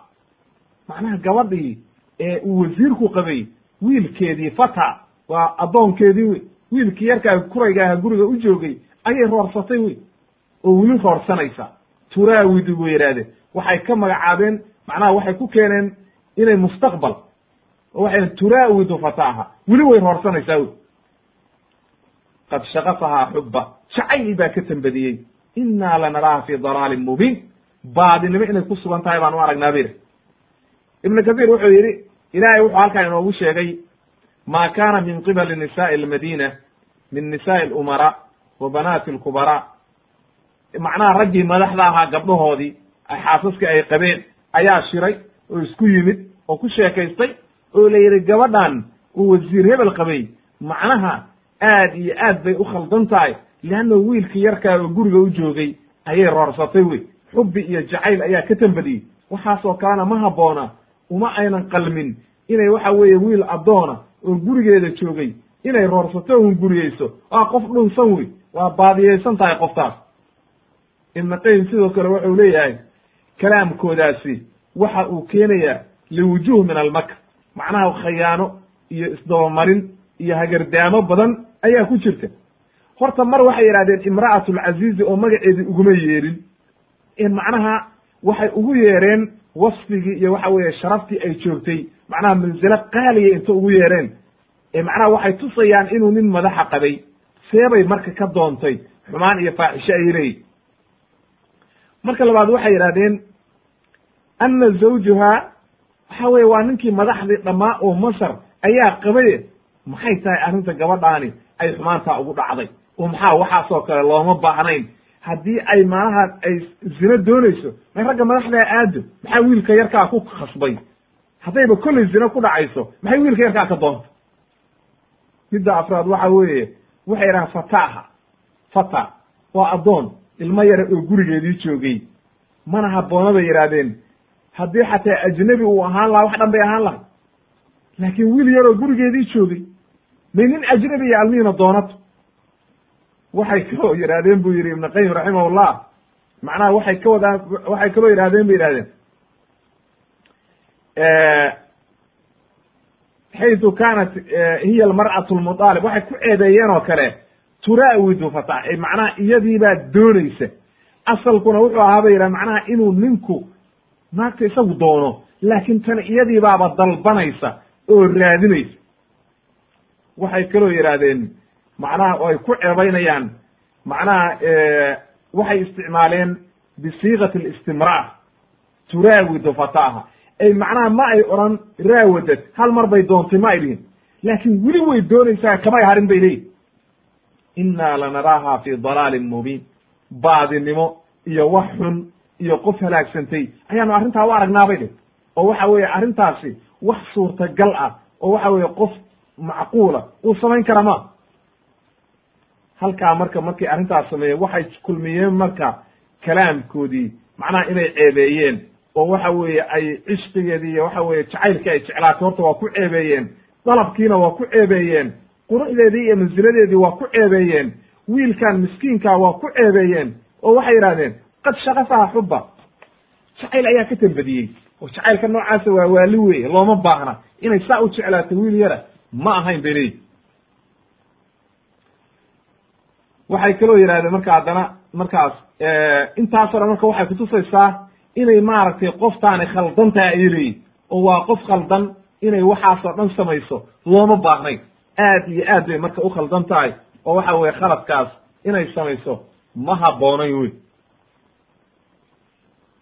kalaamkaasna waxaad ka helaysaa fi igaasat lahfan min masaayid shayطan safxada afar boqol iyo toddobaatan ilaa toddobaatan iyo ko libni qayim aljawzi raximah llah ayuu ku keenay oo halkaas waxa weye uu ku tafsiilinay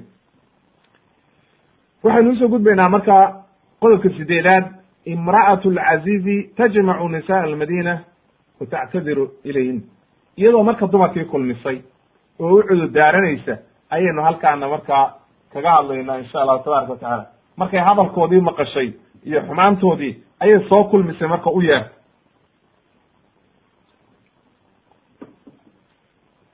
qaala allahu tacala ilahi waxa uu yidhi falama samicat bimakrihina arsalat ilayhina markay maqashay xumaantii iyo makrigii ay sameeyeen iyo dhibtii ay sameeyeen iyo hagardaamadii ereyadii ay yidhaahdeen ayay u cidirtay marka. Oo tiri ha loo yeero dumarka o dhan wa actadat waxay u diyaarisay lahuna muttaki'an meel bay u diyaarisay naag walba waxay u diyaarisay meeshay dhabarka isku tiirin lahayd. iyo waxa weeye hilibkii ay jari lahayd. iyo sakiintii ay ku jari lahayd. ayay u dhiibtay. wa aatat kula waaxidati minhuna sakiina mid walba midi bay inta u dhiibtay iyo hilib. bay tiri jar hilibka. oo waxa weye halkaan maanta ana ay casubantihiine hilibkaan jara. oo halkaan waxa weye fariista wa qaalat ikhruj calayhin. mar alla markay marka saa u diyaarisay iyagii oo hilibkii u wada dhiibtay oo ay gacmihii ku jarayaan iyo sakiintii ay haystaan oo hilibkii jarayaan ayay isagii waxay ku tiri soo bax. Wa qaalat ikhruj calayhina falama ra'aynahu akbarnahu waqaطacna aydiyahuna waqulna xaasha lilah ma hada bashara? In hada ila malakun karim mar alla markuu soo baxay nabiyullahi yuusuf ay arkeen ayay yaabeen war ninku qurux badana ninkaani maba aha bashare muxuu yahay?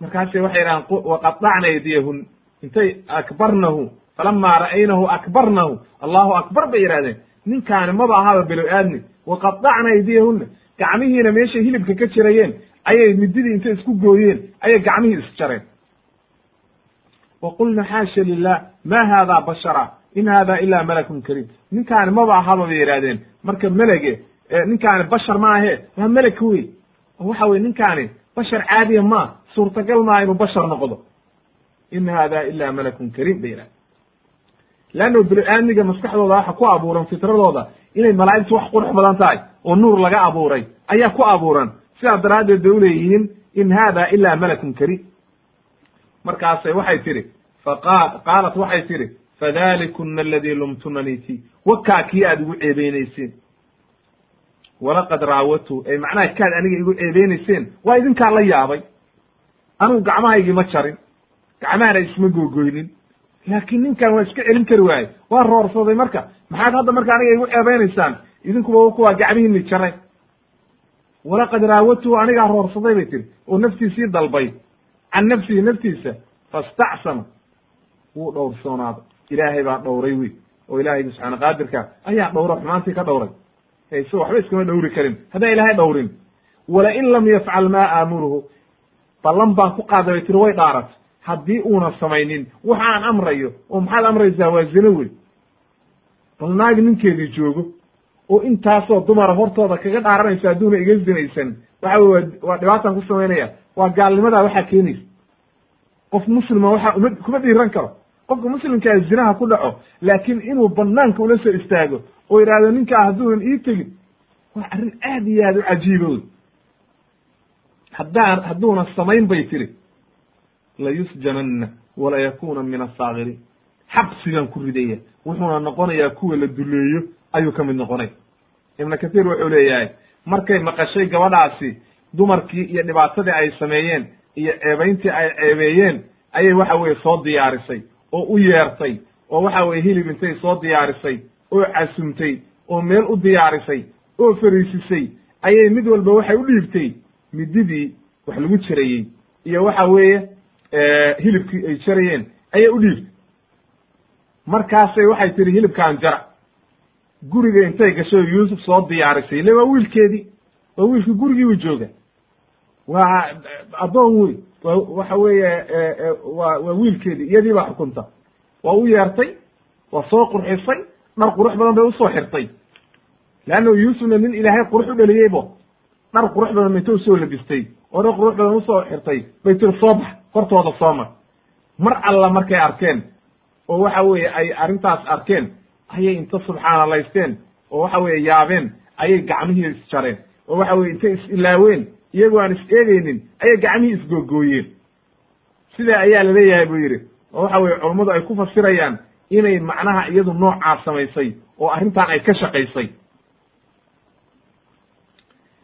Fa jamacathunna fii ayuu le gurigeedii ayay maaragtay ku kulmisay oo waxa weye isugu yeertay markaasay noocaa samaysay marka waxay udhiibtay waxay u dhiibtay buu yidhi sakiin iyo baalkan la yihahdo abrujka oo waxa weye waa baalkan oodkaca la yihahdo hilibka oodkaca laga jaro ama waxa weeye muqmada dadka qaar yidhahdaan hilibkaa la jarjaro ayay u dhiibtay. Oo tiri waa kuwan dumarku jara oo gacmaha iyo sakiinta midida iskula jara. Markaasay waxay tihi jara mar alla markay arkeen ayay hadda subxaanalaysteen oo gacmihii intay isjareen ayay yidhahdeen qulna xaasha lilah ma hada bashara kani basharba maahe muxuu yidhi ma malaa'ig ba? Waa maxay qofka saa u qurux badan? Bini aadmigaba ka mid maahe. Haddaba halkaa marka way ka guulaysatay marka. Halkaa markay marka noocaa ku dhaceen iyadii iyagii ay shalay ceebeynayey markay noocaa ku dhaceen bay ku tiri maxaad aniga ii ceebeynayseen marka? Wakaasoo idinkuba gacmihiini gogoyseen anaa doonay bay tiri. Oo dalbaday haddana dayn mayo ilaa uu waxa weeye ii tago oo danta aan leeyahay uu gudana oo waxa weeye aniga waxa weye dantayda uu fuliyana waxa weeye dhibaato waxaan ahayn oo waxa weye dhibaato dhan baan ku samaynaya haddii kale waa inuu ogaado wey waxaynu u soo gudbaynaa marka qodobka sagaalaad oo odhanaya aqwaal alculamaa fi taqdiici aydihim.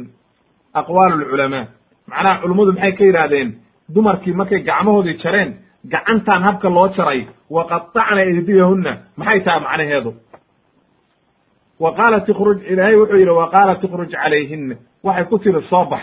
Falamaa ra'aynahu akbarnahu. Markay arkeen bay subxaanalaysteen oo takbiirsadeen. Waqatacna aydiyahunna. Waqulna xaasha lilah ma hada bashara? In hada ila malakun kariim. Ay macnaha waxaa laga wadaa halkan qatacna aydiyahunna maxay tahay macnaheedu? Inta kale waa caddahay oo waxa weye markay la yaabeen oo ninkan ay waxa weye aad iyo aad ula yaabeen quruxdiisii ayay keentay inay horta gacmihii isjareene laakiin sakiintiina isku gooyeene ma gacantii oo dhan bay gooyeen. Oo naag walba gacantiiba kow iska siisay. Mise waxa weeye waa isdilaacisay oo waxa weeye sakiintii baa sartay. Qowlkaa labadaa qowl ayaa meesha ku jira. Oo qaar waxay leeyihiin gacantii o dhan bay gooyeen. Kow waqadacna aydiyahuna macnaheedu waxa weeye mid waliba gacantii o dhan bay sakiintii isku goysay ilaa gacantii xagga ku dhacday. Laakiin qowlkaa waxaa ka raajaxsan oo ka daahirsan inay isjarjareen oo waxa weeye midida markay ku goyso oo kale hada hadda haddii midi intaa wax ku goynaysid ay gacantaada goyso de gacantii un baa dhaawacmayse gacantii o dhan ma go'ayso. Haddaba marka waxay leeyihiin culummadu u badan yihiin inay waxa weye issarsareen oo dhiig ka yimid oo mid walba waxa weye ay dhaawac noqotay oo iyada oaan dareemin dhaawacaas marka ayay waxa weeye arrintu weyn. Ibnu jariir dabari waxa uu leeyahay sida culummadu waa isku khilaafeen laakin waxa weeye sida saxiixa oo waxa weeye u dhow oo culummo badan ay leeyihiin. Sida mujaahid iyo sudi iyo qataata iyo ibnu cabaas iyo inay maaragtay ay isa sarsareen oo waxa weye hilibkii ay goynayeen ayay gacantooda markaas ku sareen wey sidaa weye marka qowlka saxiixa waqadacna aydiyahunna ay macnaha way isa sareen oo mid walba dhiig baa ka yimid oo waxa weeye mid walba waa isdilaacisay shirkeedii oo waxa weye way isdilaaciyeen wey ee maaha gacantii o dhan intay gooyeen inay xagga ku tuureen. Ibnu jariir marka wuxuu yidhi qowlka sawaabtaa waxa weeye in la yidhaahdo ilaahay wuxuu inoo sheegay inay gacmihii gooyeen iyaga oo aan eegaynin.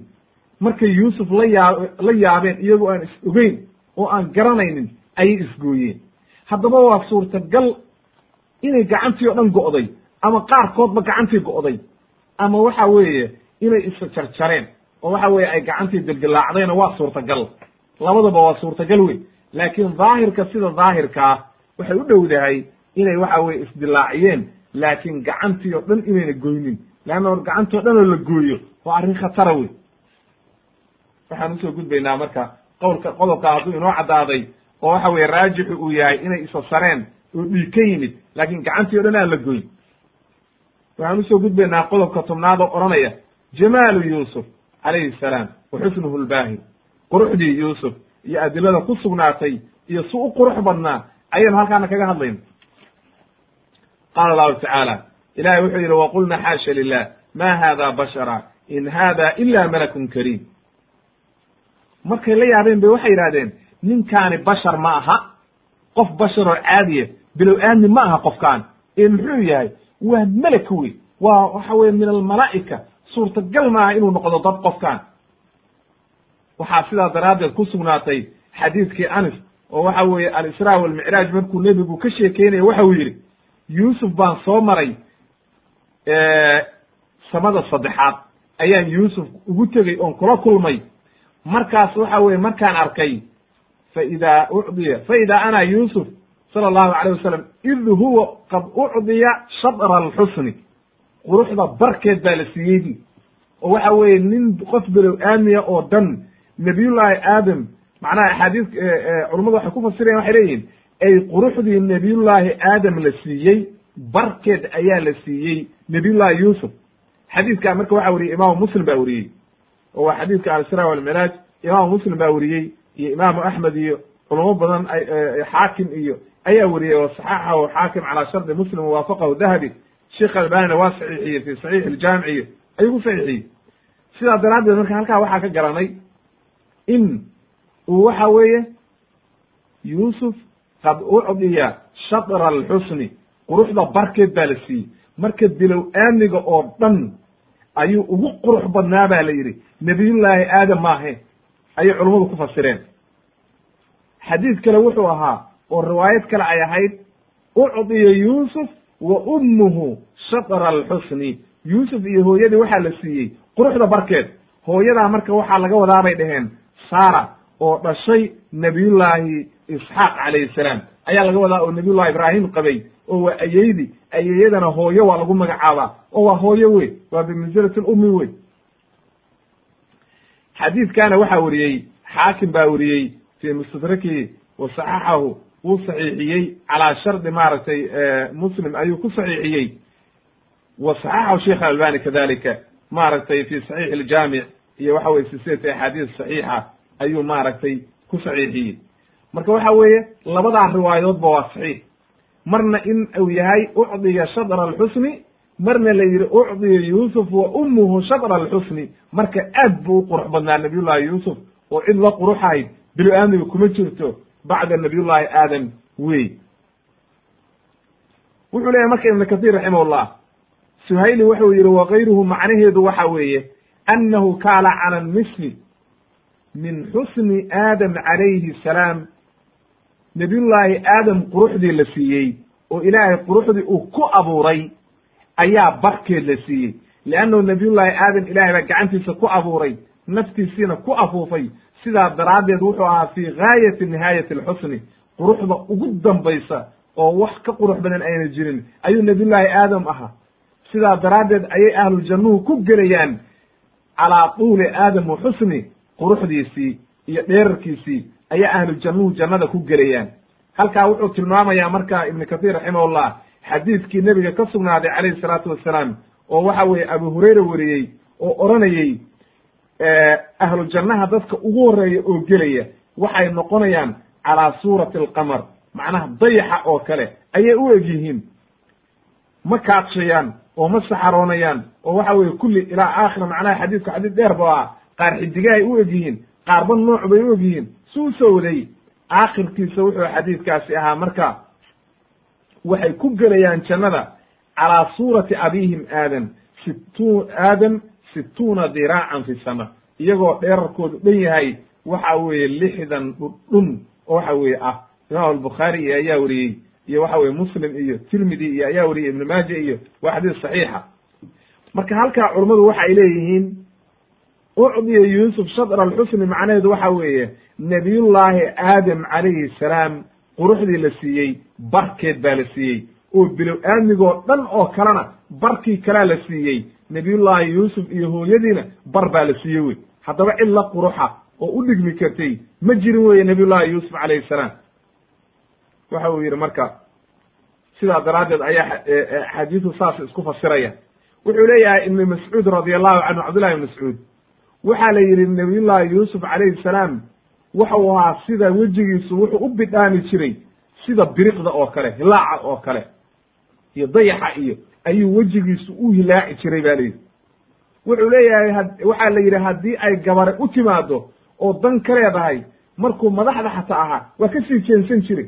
Leannu hadday wejigiisa aragto naag iska celin karta ma jirto naag walba waa jeclaanaysa sidaa daraaddeed marka ayuu ka sii jeensan jiray ba layidhi haddaba sidaa daraaddeed marka ayaa gabadhii imra'atu alcaziiz xujadeedii markay oogtay oo waxa weye cududaar bay yeelatay oo dumarkii kale oo dhan ayaa iska celin kari waaye markay arkeen mid walba waxa weye subxaana allah ay ku waalatay ninkaani maba aha dade waa melege waa oo waxa weye kulligood ay waxa weye markaas saas ay waxa weye uga markhaanti kaceen. Markaasay iyadiina caddayso waxay tidhi fadalikuna aladii lumtunanii fii. Maxaad igu eedeynayseen marka? Wakaas waxa weye ninka noocaasa oon cidi iska celin karin haddaan anigu iska celin kari waayey maxaad igu eedeynayseen oo waxa weye aad ii ceebeynayseen marka so inaad ii cududaartaan ma. Gadaal bayna aayadaha ka imaan doontaa oo waxa weeye inay laga fahmay aayadaha qaarkood inay dumarkii markaa yidhaahdeen nabiyullahi yuusuf war gabadhaani waxa ay ku amrayso waxa weye iska yeel oo waxa weye danteeda u fuli oo waxa weye ay ku booriyeen ayaa gadaal inooga imaanay. Uma madaxatu way ammaantay markaa bilcifati tama waxay ku ammaantay nabiyullaahi yuusuf inuu waxa weeye uu isagii dhowrsanaaday oo waxay tidhi walaqad raawatuhu can nafsi aniga ayaa dalbaday bay tihi fastacsama ay macnaha imtanaca wuu diiday xumaantii inuu ku dhaco waa i diiday wey oo zinadii waa iga diiday haddii uuna saana yeelin sababtu maxay tahay? Lianna xusnuhu baatinkiisa iimaanka iyo diinta iyo caqiidada qalbiga uga buuxa ayaa ka fiican quruxdan daahirka sidaa daraaddeed ba waxaa arkaysaa oo laga garanayaa quruxda hoose oo qalbiga ah oo iimaanka ah ayaa ka wanaagsan. Waxa weeye qofka quruxdan daahirka banaanka ka muuqata. Marka qofka wejigiisu quruxda badan yahay oo banaanka laga arkayo waxaa ka muhiimsan. Qofka waxa weeye caqiidadiisu qurux badan tahay oo caqiidadiisu fiican tahay kaasaa ka wanaagsan. Sidaa daraaddeed ayay marka waxay tidhi walain lam yafcal maa aamuruhu layasjunun layusjananna wala yakuna min asaakiriin hadduuna samayn waxaan amray uuna zinada ku dhicin ballan waxaan ku qaaday inaan hoojiyo oo xabsi ku tuuro oo waxa weeye kuwa la duleeyey uu ka mid noqdo. Dhaartaa markay dhaaratay marka. Nabiyullahi yuusuf halkaa marka waxaa ka caddaatay inay naagti waa dhaaratay. Ma daynaya bay tiri. Hadduu wax walba sameeyo ballan waxaan ku qaadaya inaan daynin maxaad marka yuusuf ow samaynaysa? Ila meeshii dhibaataa taalla oo naagti waa dhaaratay oo waxay tiri ma daynaye maxaa xal a marka?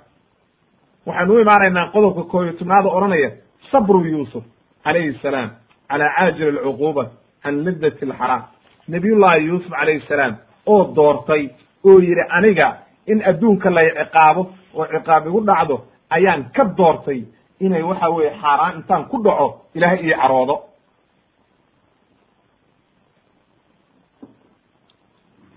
qaala ibn katir raximahullah ibn katir wuxuu yidhi wa kaana waxaad moodaa buu yidhi baqiyat annisaa'i xaradnahu cala asamci waataaca lisiyadati waxaad moodaa buu yidhi dumarkii intii kale markii ay tiri iyadii wala in lam yafcal maa aamuruhu layusjananna walayakuna min asaakiniin haddii uuna dumarkii hortoodii bay ka qiratay oo waxay tiri anaa dalbaday anaana doonay hadduunan iga zinaysan oo waxa weeye ii teginna ballan waxaan ku qaaday ana xabsi ku riday oo gebigiisaba aan la arag. Markaasaad waxaa moodaa marka inay dumarkii kale yidhaahdeen war iska yee oo waxa weye gabadhaan danteeda u fuli oo hadiidin sayadaadee waxa ay kaa rabta yeel. Waxaan caqli lahayn wey oo diin lahayn oo gaalo ah oo waxba kala garanayn wey. Waa diiday marka yuusuf fa abaa ashadd aliba wuu diiday ilaah bay iga tahay buu yidhi oo markaasu ilaahay u jeensaday marka waxa weeye xabsi iyo dhibaato iyo mashaakil baa yimid. Ilaahay buu baryay marka gacmaha u horsada. Oo waxa uu yidhi qaala rabbi sijnu axab. Qaala rabbi sijnu axabu ilaya mima yadcuunanii ilayh. Ilaahayow aniga waxa aan jeclahay waxa ay iigu yeerayaan iyo xabsiga. Xabsigaan doortay wey xabsigaan laygu rido intaan zino ku dhici lahaa. Xabsigaa ii roon. Zinadan waa ilaahay baa igu caroonaya laakiin xabsiga ilaahay igu caroon may wa ilaa tasrif canii kaydahun. Haddaadan iga leexin xumaantooda iyo makarkooda iyo dhibaatadooda. Asbu ilayhin. Waan u iilanaya oo waa u leexanaya oo bilo aadmi baan ahay oo waxa weye waxaa dhici karta inaan noqdo marka wa aku min aljaahiliin. Inaan waxa weye wax markii laiga badiyo maalin walba wax taagan cadaadiska laiga badiyo marka dambe inaan ku dhacaa suurtagala ilaahu iga leexi waxaan oo iga kacee bule. Ilahay buu tala saarsaday. Ee waxa weye markii hore markuu horta caddeeyey inuu jecel yahay xabsiga iyo zinada xabsiga inuu jecel yahay oo waxa weye labadoodaa markay isku qabato macnaha ma aha inuu yuusuf mar walba leeyahay aniga xabsi baan rabaa inaan la iska kay xiro. Ee waxa weye markay isku kay qabsata buu leeyahay xabsi iyo zino. Xabsigaan doortay buu leeyahy xabsigaa wanaagsan oo waxa weye xabsi baan doortay. Intaa markuu caddeeyey oo xabsigii doortay oo naftiisii wixii la wanaagsanaa caddeeyey ayuu haddana ilaahay tala saarsaday oo wuxuu yidhi ilaahay ow adaan ku tala saarsaday xumaantaan iga leexi dhibaatadan iga leexi buy walihaada radiya yuusuf bisijni walam yarda biirtikaabi alfaaxisha macaasidii iyo faaxishadii iyo zinadii kama uu raali noqon laakiin wuxuu doortay oo ka raali noqday inuu xabsi galo. Sidaa daraaddeed bay culimmadu waxay yidhahdeen low ukriha mu'minun cala alfaaxisha ow isijni latacayana calayhi sijnu walaa yartakibu alfaaxisha haddii qofka mu'minkaa lagu khasbo oo la yidhaahdo ama zino ku dhac ama waa lagu xiraya waa inaad xabsiga doorto wey leanna xabsigan waxaa dhici karta adduunyada wax yar inaad xeraatid in lagu soo daayo meeqaa maanta inta la xiray haddana beri la soo daayo. Waxaa dhici karta marka muddoba haddaa xiraatid sanado laakin zinada waa khatar wey haddaa mar zina ku dhacdeed oo ilaahay kuu caroodo hadda waxaa dhici karta adoo zinadii ku dhex jira in naftu kaa dhacdo oo adduun iyo aakhiraba aa khasaartid marka qaala ibnu jariir dabri waxau leeyahay wa hada alkhabaru min allah yadulu calى ana imra'at alcaziizi qad caawadat yuusuf fi lmuraawadati can nafsi wuxuu kutusaysaa arrintaani nabiyullah gabadhii imra'at alcaziiz inay yuusuf ay weli waxa weye sii daba joogto hal mar keliya ma ay hoorsan kamaba harinba waxayba sii wadaa oo sii doonaysaa oo ay ku sii dhaaranaysaa in ayna daynaynba maba daynaya tir arrintiiba waa caddaysatayba awel magaalada iyo waa tii warka la marmariyey oo waxa weeye la xishoonayeyba hadda warkeeda waaba caddaysatay oo waxay tiri maba daynayo. Meeshuu rabaa ka dhaco ballan waxaan ku qaada inaana dayn oo waxa weye waaba daba joogaada. Haddii uuna samayn xumaanta aan ka rabana xabsigaan ku riday. Marka laba mid inaan xabsi ku rido oo aan la arag oo waxa weye una cid kalaba anficin iyo inuu waxa weye aniga ii tago wax ka dhexeeya ma jiraan bay leedahay. Wuxuu yidhi marka ibnu jariir raximahullah walxabsu waxa weeye bu yidhi macnaha isagu ma dooran fakhtaara alxabsa buu yidhi. Iyo wixii ay wixii ay ugu yeertay inuu xabsi galo ayuu ka doortay zinadii. Oo wuxuu yidhi anigu zine iyo xabsi markay noqoto xabsigaan diyaar u ah. Oo ma gelayo zino. Ilahay baana ka magan ee wuxuu leeyahay macnaha rabbi sijnu axabu ilaya mima yadcuunani ilay ilaahay maaragtay xabsigaa ila ron oo xabsigaan jeclahay.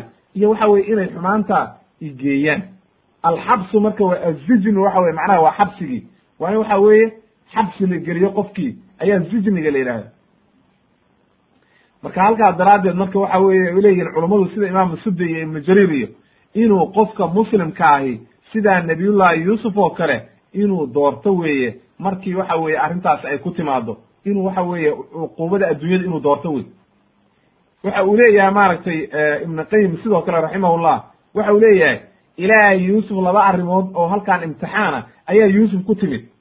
Xabsi oo cuquubatu dunya ah oo in la xiro iyo inuu zina ku dhaco. Markaasuu wuxuu doortay inuu waxa weye xabsigii galo. Fakhtaara sijna cala alfaaxisha. Uma tabara'a ila allahi min xawlihi wa quwatih xabsigiibu intuu doortay. Ayuu haddana markaa ilaahay wuxuu uga beri noqdo wuxuu yidhi ilaahu awood melihi oo xeelad melihi aan dadkaan isaga celiyo oo aan waxaan uga dhex baxo ilaahu iga badbaadi adigu xumaantaa oo nafteeda waxa weeye adigu ikaalme ilaahayow. Wailaa tasrif canii kaydahuna asbu ilayhina wa aku min aljaahiliin aniga waxa weye haddii aadan adigu icaawin oo iga leexin waxaan oo iga badbaadin waxba ma tari karo. Waan ku dhacaya khalad baan ku dhacaya oo waxa weye mashaakil baan ku dhacaya markaasaa ilaahay jawaabay oo ilaahay waxa uu yidhi faاstajaaba lahu rabuhu ilahay baa u jawaabay ka ajiibay marka. Wuxuu leey marka ibn qayim raximahullah haddaba waxaa la rabaa bu yidhi qof walba naftiisa haddii uu tala saarsado khada buu ku dhacaya marka waxaa la rabaa qofku inuu ilahay mar walba tala saarsado. Marka mar walba oo aad naftaada tala saarsatid bohol bay kaa tuuraysaa. Laakiin waxaa la rabaa inaad mar walba ilaahayga subxaana qaadirkaa ku abuurtay aad tala saaratid oo ilaahay ku dhegtid baa la rabaa oo xumaanta aad tiraad ilahay uga badbaado ilahay waa u jawaabo ilaahay baa marka ka hadlayo waxa uu yidhi faاstajaaba lahu rabuh fasarafa canhu kaydahun. Ilaahay waa ka ajiibay ducadii nabiyullahi yuusuf. Leanna waa nebi ilaahay weeye. Nebiyadoo dhanna marka ilaahay baryaan ilahay waa ka ajiiba. Xumaantoodiina waa ka leexiyey faاstajaaba allahu marka liyuusuf ducaahu fasarafa canhu ma araadat minhu imra'at lcaziiz imra'at lcaziiz gabadhii ninka uu qabay madaxda ah iyo waxa weeye wixii ay la doonto xumaana iyo dumarkii kale kulligood. Marka halkan qowlkan wuxuu kutusaya fasarafa canhu kaydahunna jamac baa laga dhigay.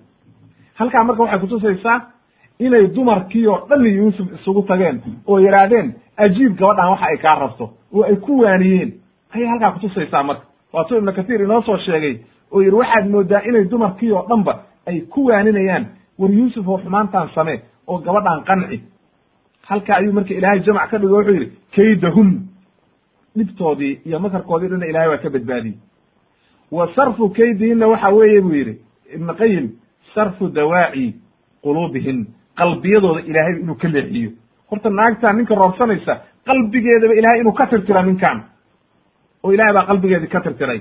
Camalkii xumaaya ay wadina xagga uga leexiyey. Oo waxa weye markaa yuusuf waxa weye kaba leexiyeyba waxaan iyo xumaantaan oo dhan. Inahu huwa samiicu macnaha ilaahay wuxuu maqlayaa yuusuf marka uu baryayo alcaliimu biaxwaalihi wax walbana uu og yahay wey oo ilahay wax walba waa og yahay halkaa marka markay arrintii gaartay oo waxa weye qisadii halkaa marayso ayaa marka waxaa muuqatay markaa arrintii waa joogsan weyday.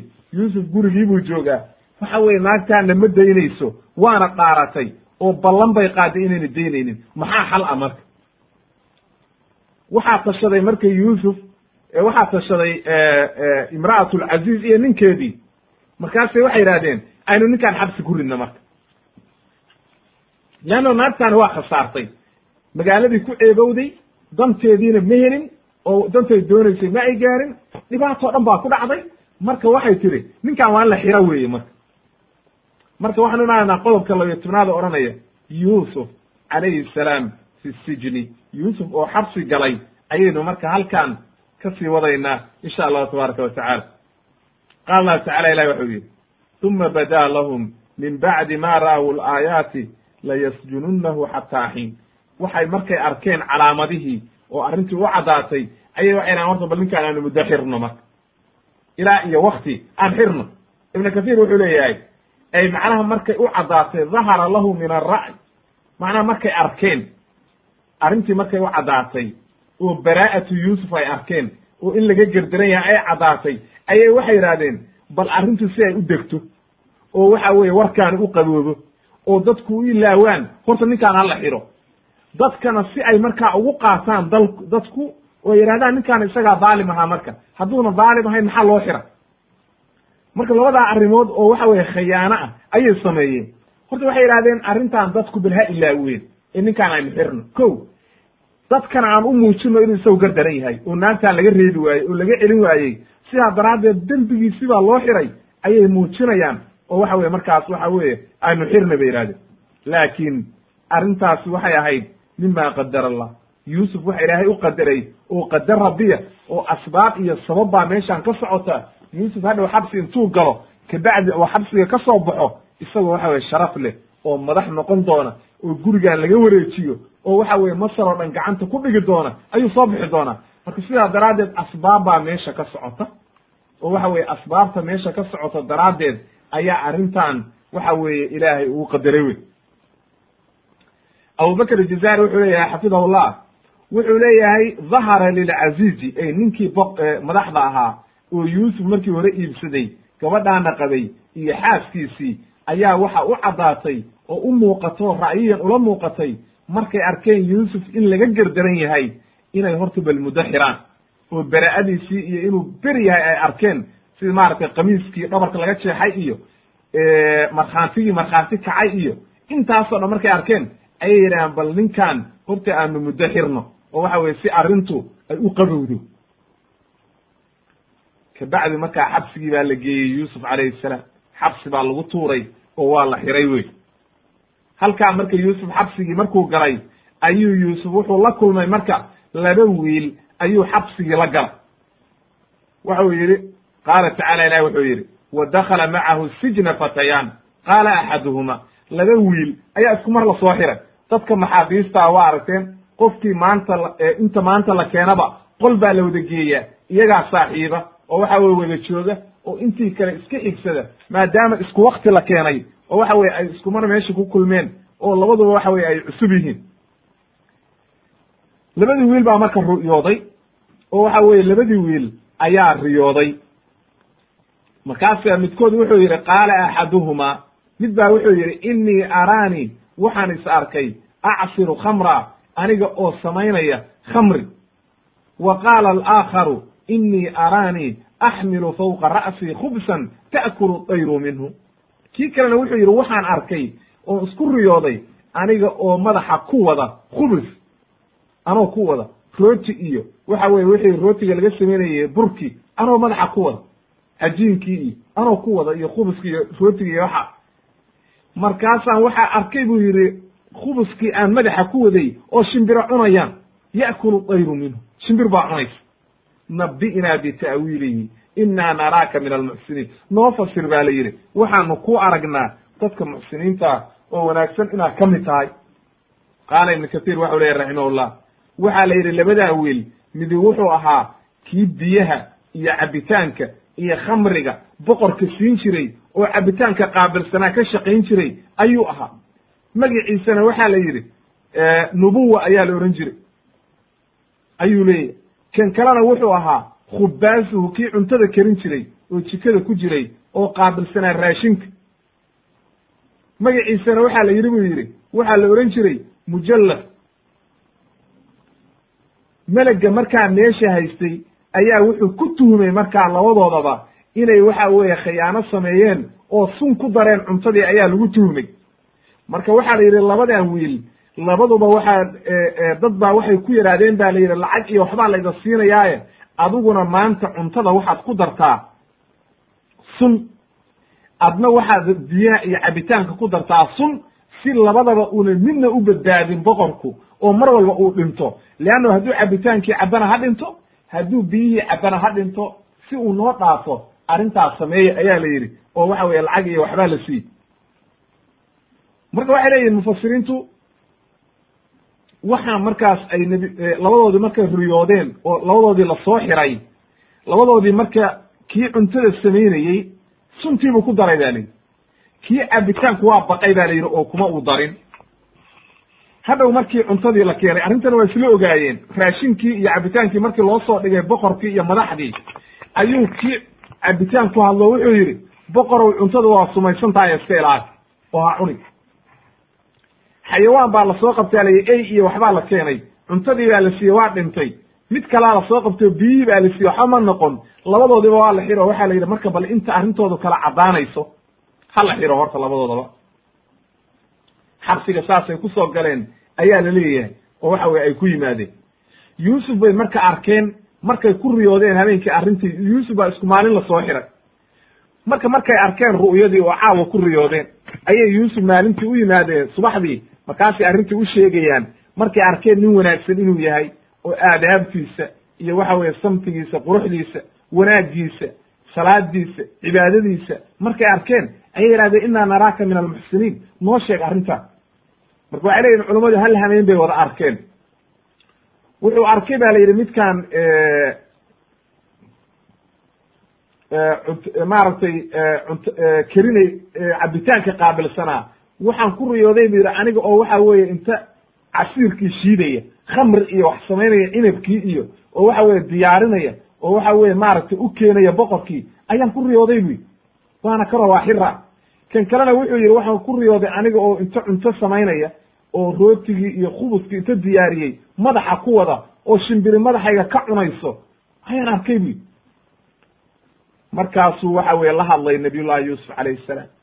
Waa u jawaabo wuxuu yidhi qaala laa yaatiikumaa dacaamun turzaqaanihi ilaa naba'tukumaa bitaawiilihi qabla an yaatiyakumaa waxaan idiin fasirayaa buu yidhi waan idiin fasirayaa inta aynan idin imaanin oo waxa weeye cuntaba la idiin keenin ayaan idiin fasiraya dalikumaa mima callamanii rabbii taasi waa cilmigii ilaahay i baray oo waxa waataynu soo marnay ilaahay wuxuu ku barayaa min taawiili axaadiis ilaahay baa baray marka ru'yadii iyo sidii loo fasirayey inii taraktu buu yidhi. Marka halkan wuxuu u dhex geliyey wuxuu u caddeeyey intuunan horta u fasirin ayuu dacwo kaga faa'idaystay marka nabiyullahi yuusuf calayhi salaam oo xiran oo xabsi ku jira oo haddana dacwo ugu yeeraya ayaa halkaa markaa kaaga caddaanaysa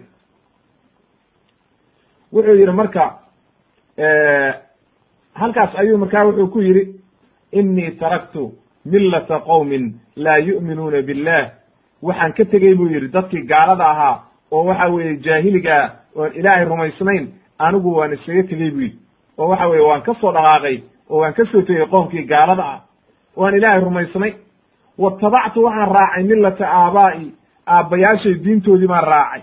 oo aabbayaasha waa kuwe ibraahiima wa isxaaqa wa yacquuba ibraahim iyo isxaaq iyo yacquub diintii saxdahayd ayaan raacay buu yidhi oo nebiyadaas ayaa aabbayaal iyo aad buu yidhi ma kaana lanaa an nushrika billahi min shay nooma haboona buu yidhi noomana suubana inaanu shirki ilaahay u samayno oo aanu cid kale ilaahay la wadaajino annaga nooma haboona buu yidhi dalika min fadli illahi calayna wa cala annaas dalika min fadli illahi calayna waa fadli iyo wanaag ilaahayna siiyey yidhi wa cala annaasi dadkiina waxa weeye hanuunkaa iyo wanaagaasaanu gaarsiinaynaa iyo fadligaa walaakina aktara annaasi laa yashkuruun intooda badan laakiin dadkii ilaahay ku shukri naqi ibnu kathiir wuxuu leeyahay macnaheeda waxa la yidhi macnaheedu waxa weeye qowluhu marka uu leeyahay waan idiin fasirayaa laa yaatiikumaa dacaamun tursaqaanihi ilaa naba'tukumaa bita'wiili. Macnaheedu waxaa la yidhi laba qowl. Waxa weeye bay yidhahan qaar qaar waxay yidhahdeen mahmaa ra'aytumaa min xulum riyo kastoo ad aragtaan oo ad iila timaadaan waa idiin fasiraya. Qaarna waxay yidhahdeen macnaheedu waxa weeye waxaan ru'yadan idii caddaynaya oo idiin sheegaya intaan cuntada la idii keenin oo raashinka qadadaba intaan la gaarin oo waxa weeye xabsiga waar dadka cuntada loo geeyey war intayna cuntadiiba idii keenin qowlkaasaa marka daahira oo waxa weye adilo daahirka aayaddu keenaya. Ee macnaha intaynan ba imaanba dadkii cuntada idii keeni lahaa baan idii fasiraya ama ha idii xumaado ama ha idii fiicinaado qof walbana wuxuu la kulmi lahaa waan u sheegay. Markaasuu halkaa marka markuu gaaray ayuu u caddeeyey waxa uu yidhi marka halkaasi waxay la macno tahay qowluhu tacaala nabiyullahi ciisa markuu qoomkiisa ku lahaa wa unabi'ukum bima ta'kuluuna wama tadakhiruuna min buyuutikum. Waan idiin sheegayaa waxa aad cunaysaan iyo waxaad qarsanaysaan oo guryihiina ku qaranaysaan labadaba waan idiin caddaynaya waa tula halkaa marka markay leanna waa nebi weeye ilahay ba u waxyoonay wa qaala lahuma markaasuu wuxuu ku yidhi arrintaan idiin sheegayana ma aha inaan aniga sixirow ahay. Ama waxa weye aan jeebkayga kala soo baxaye waxa weye waa min tacliim illaahi iyahay ilahay baa ibaray wey. Oo waxa weye waa diin ilaahay ibaray iyo caqiide saxiixa. Liannii mu'minun bih leanno mu'min baanahay qofka mu'minkaana ilaahay waa wanaajiya. Waxaan raacay diintii aabbayaashay buu leeyahy iyo awowayaashay noomana sugnaanin inaan shirki ilaahay u samayno sidaa idinku aad samaynaysaan oo kale. Leanno ilaahay baa annaga na hanuuniyey dadkiina hanuunkaasaan ugu yeerayna intaasoo dhan oo wanaaga markuu u sameeyey ayuu marka tawxiidkii ugu yeeray marka. Markuu u caddeeyey caqiidadiisii iyo wanaaggiisii iyo waxa weye inuu ilaahay rumaysan yahay ayuu tawxiidka ugu yeeray marka. Markaas ula kala baxay dacwo tawxiid isagoo tawxiidka ugu yeeray. Oo waxa uu yidhi yaa saaxibaya sijni markuu horta sanamyadiibuu horta waxa weeye uu aad iyo aad u ceebeeyey. Waxaqaraha aad iyo aad buu u liiday oo wuxuu ku yidhi yaa saaxibaya sijni labadan wiil oo waxa weye xabsiga aan ku saaxiibnay a arbaabun mutafariquuna khayrun am illahu alwaaxid alqahaar. Ilaahyo fara badan oo kala baxbaxsan oo fara badan oo iskhilaafsan miyaa khayr badan mise ilaahigii keliya oo keligii ahaa xoogga badnaa wax walba muqiininayey miyaa khayr badan wey ma tacbuduuna min dunihi ila asmaa'un samaytumuuha waxaan aad caabudaysaan wax kale maaha waa magacyo beena oo idinku aad ku been abuurateen magacun baad isaga bixiseen ibn qayim markuu halkaa fasiraya waxa uu leeyahay waxay la mid tahay. Macnaha idinkaa magacaan isaga bixiyey. Hadduu qof maanta intuu basal soo qaato oo duubka ka fiiqo uu yidhaahdo waxa weeye hilib baan cunay.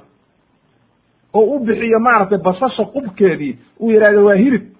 Hadda waxa laleeyahy hilib maad cunine. Adaa magaca u bixiye waxaad cuntay ma jirto ama waxa weye qofkii ciid inta ka dharga yihahdo khubus baan cunay iyo rooti. Miyay suurtagal tahay? Saas oo kale ayay la mid tahay. Qofkii caabudaya waxaan ilaahay ahayn wuxuu isagu magac isaga bixiyey ayuu waxa weye la yimid wey waxa weeye antum wa aabaa'ukum idinkii aabbayaashiin baa u bixiye ilaahay wuxuu ku soo dejiyey. Oo ilaahay u bixiyey diin ilaahay ku soo dejiyey midna ma aha wey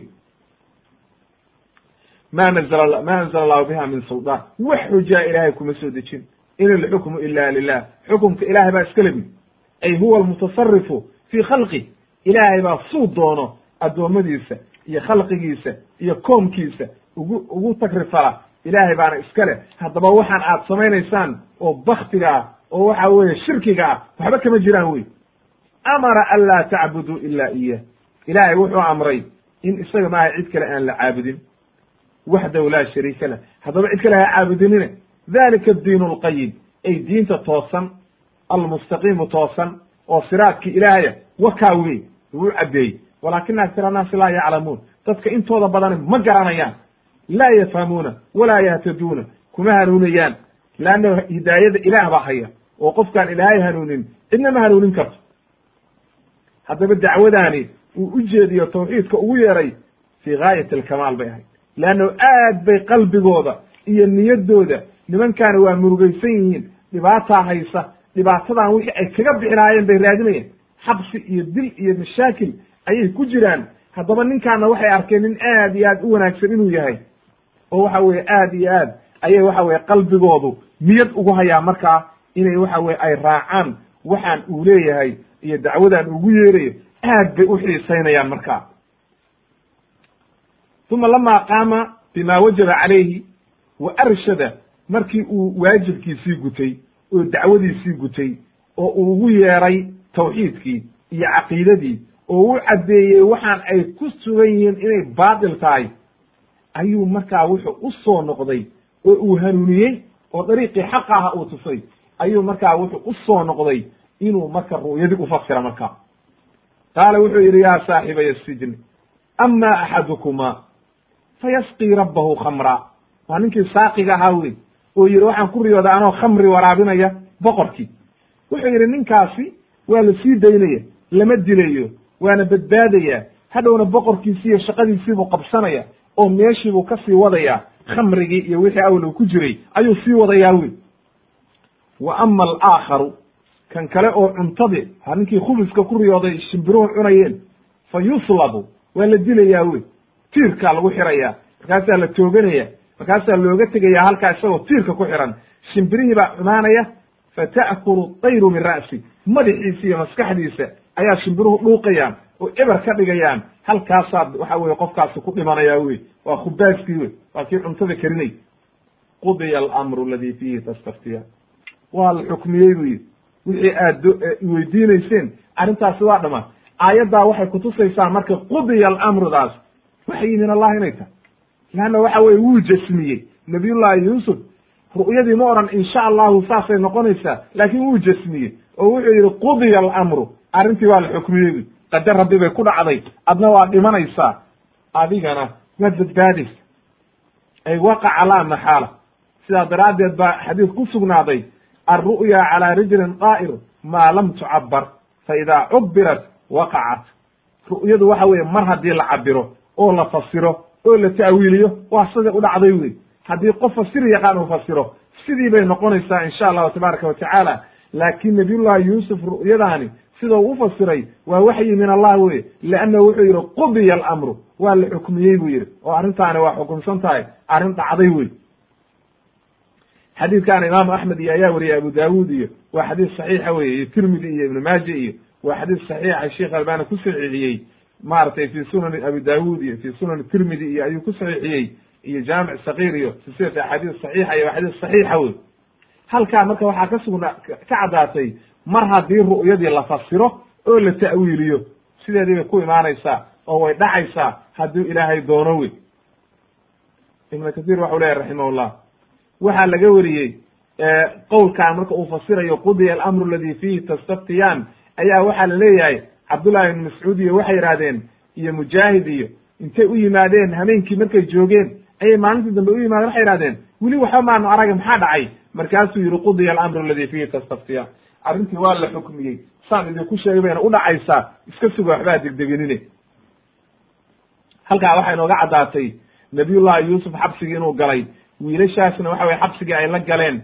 Markaana waxa weeye uu tawxiidkii iyo caqiidadii ugu yeeray haddaba qofka muslimkaa waxaa la rabaa meel walba uu joogo inuu caqiidada iyo tawxiidka dadka ugu yeero ee xabsi markuu galo ama dhibaato galo uuna oran bes weeye. Aniga i dhamaato meel baan iska fadhiisanay. Qodobka saddexiyo tobnaad baan u soo gudbaynaa o odhanaya yuusuf calayhi salaam ya'khudu bilasbaab almashruuca lilkhuruuji min asijni yuusuf oo xaawilayo o ku dadaalaya siduu xabsiga uga bixi lahaa oo asbaab sharciya samaynaya ayaynu halkaana ka soo qaadaynaa haddii rabbi idmo. Wa qaala ilahay qaala tacala ilahay waxa uu yidhi wa qaala liladii danna anahu naajin minhuma dkurnii cinda rabbik faansaahu shaydaanu dikra rabbih falabita fi sijni bidca siniin. Ilahay aayaddaa wuxuu inoogu sheegay nabiyullahi yuusuf calayhi salaam wiilkii uu isir waa badbaaday oo waxa weeye waa kii saaqal melik ahaa oo la yidhi adiga lagu dili mayo waa lagu sii daynayaa ayuu waxa uu ku yidhi oo u caddeeyey waxa uu yidhi warniyow markii aad baxdid oo boqorka u tegtid u sheeg arrintayda boqorka oo dhibaatadani haysa iyo dulmiga laygu soo xiray iyo gardarrada u sheeg. Ibnu kathiir marka wuxuu leeyahay nabiyullahi yuusuf wiilkii buu la hadlay. Wuxuu yihi warniyow markaa baxdid oo boqorkaa u tegtid oo waxa weeye udkurnii cinda rabbika waxaa laga wadaa boqorkaaga marka rabbi waxaa lagu idlaaqaa sayidka ayaa la yidhaahdaa. Marka laakiin innaga diinteenna waa la nahiyey oo nebiga axaadiis baa ku sugnaatay uu yidhi qofkiina yuu odhan maaragtay isqi rabbaka iyo maaragtay adcim rabbaka iyo. Waxa laakiin waa inuu yidhaahdo sayidii iyo mawaalaaya iyo.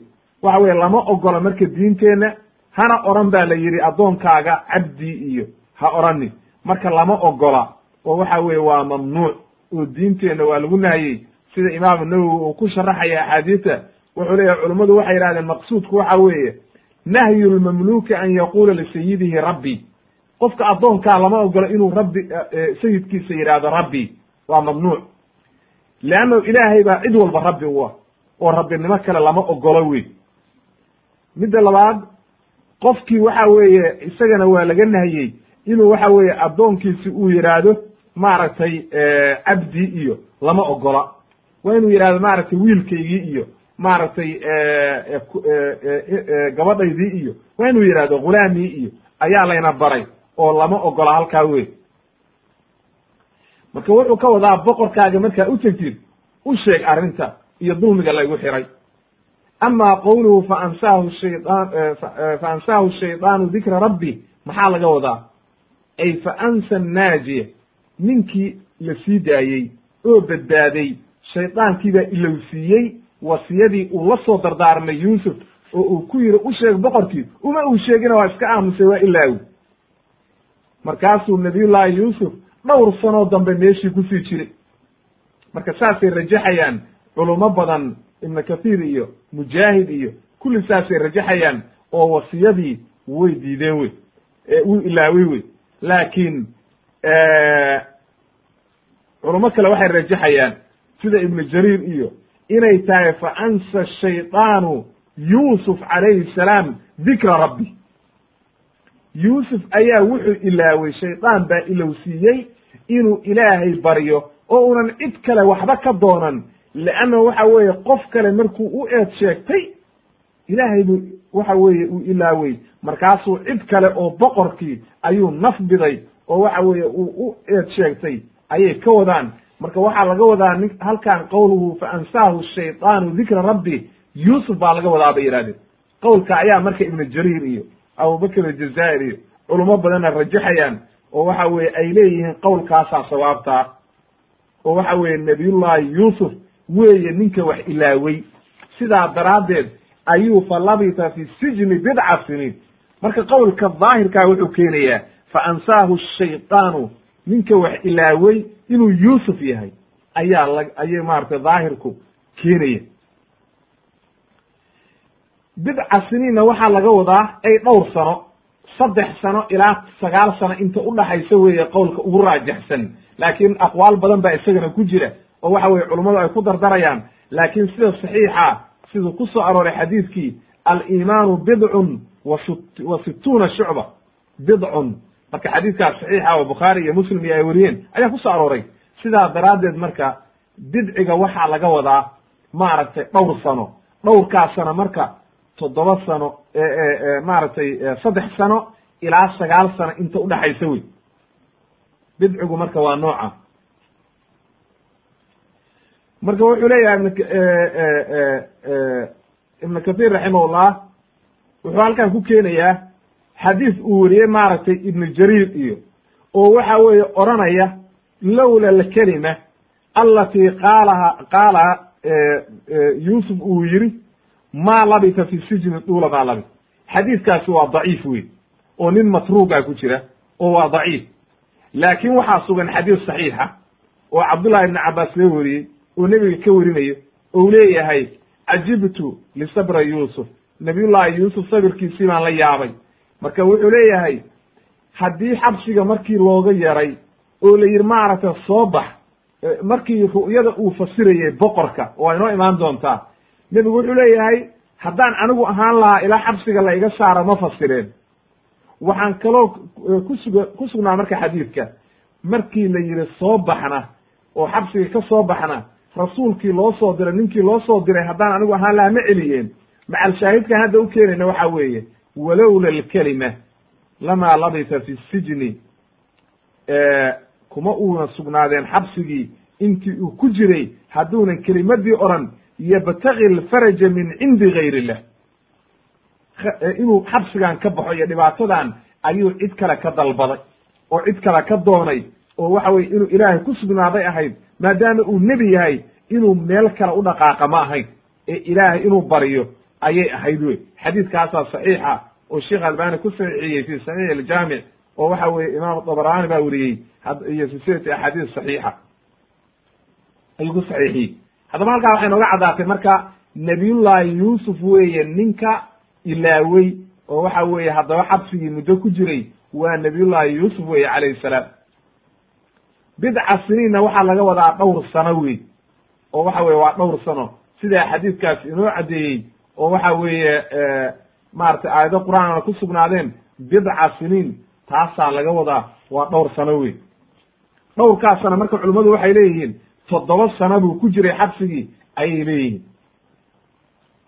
Ama sidoo kale ibn cabaas ninka la yihahdo ibn xibaanna waxa uu weriyey xadiid uu saas oo kale yuusuf ka qisada yuusuf uu ka werinayo ayuu weriyey oo nebigu uu leeyahay raxima allahu yuusuf lowla alkalimatu alati qaalahaa udkurnii cinda rabbi ma labita fi sijni ma labit xabsiga kuma uuna jireen intaas waxa weeye haddii uunan oran kelimadda haddaba waxay kutusayaan axaadiidta iyo aayadahaas kulli waxay kutusayaan nebiyullahi yuusuf arrintaa inuu ku khaldamay oo waxa weeye ay ahayd asalku maadaama nebi uu yahay inuu ilaahay ku kalsoonaado uunan meella u leexan oo ilaahay keliya baryo uunan cid kala baryin ayay ahayd wey sidaa daraaddeed marka ayuu bidca siniin ku sii jiray xabsigii oo waxa weye uu ku sii jiray toddoba sano oo dambe oo ciqaab looga dhig qadar rabbina way ahayd oo ilaahay baa waxaan qadaray wey waxaynu u soo gudbaynaa marka qowlka afar iyo toban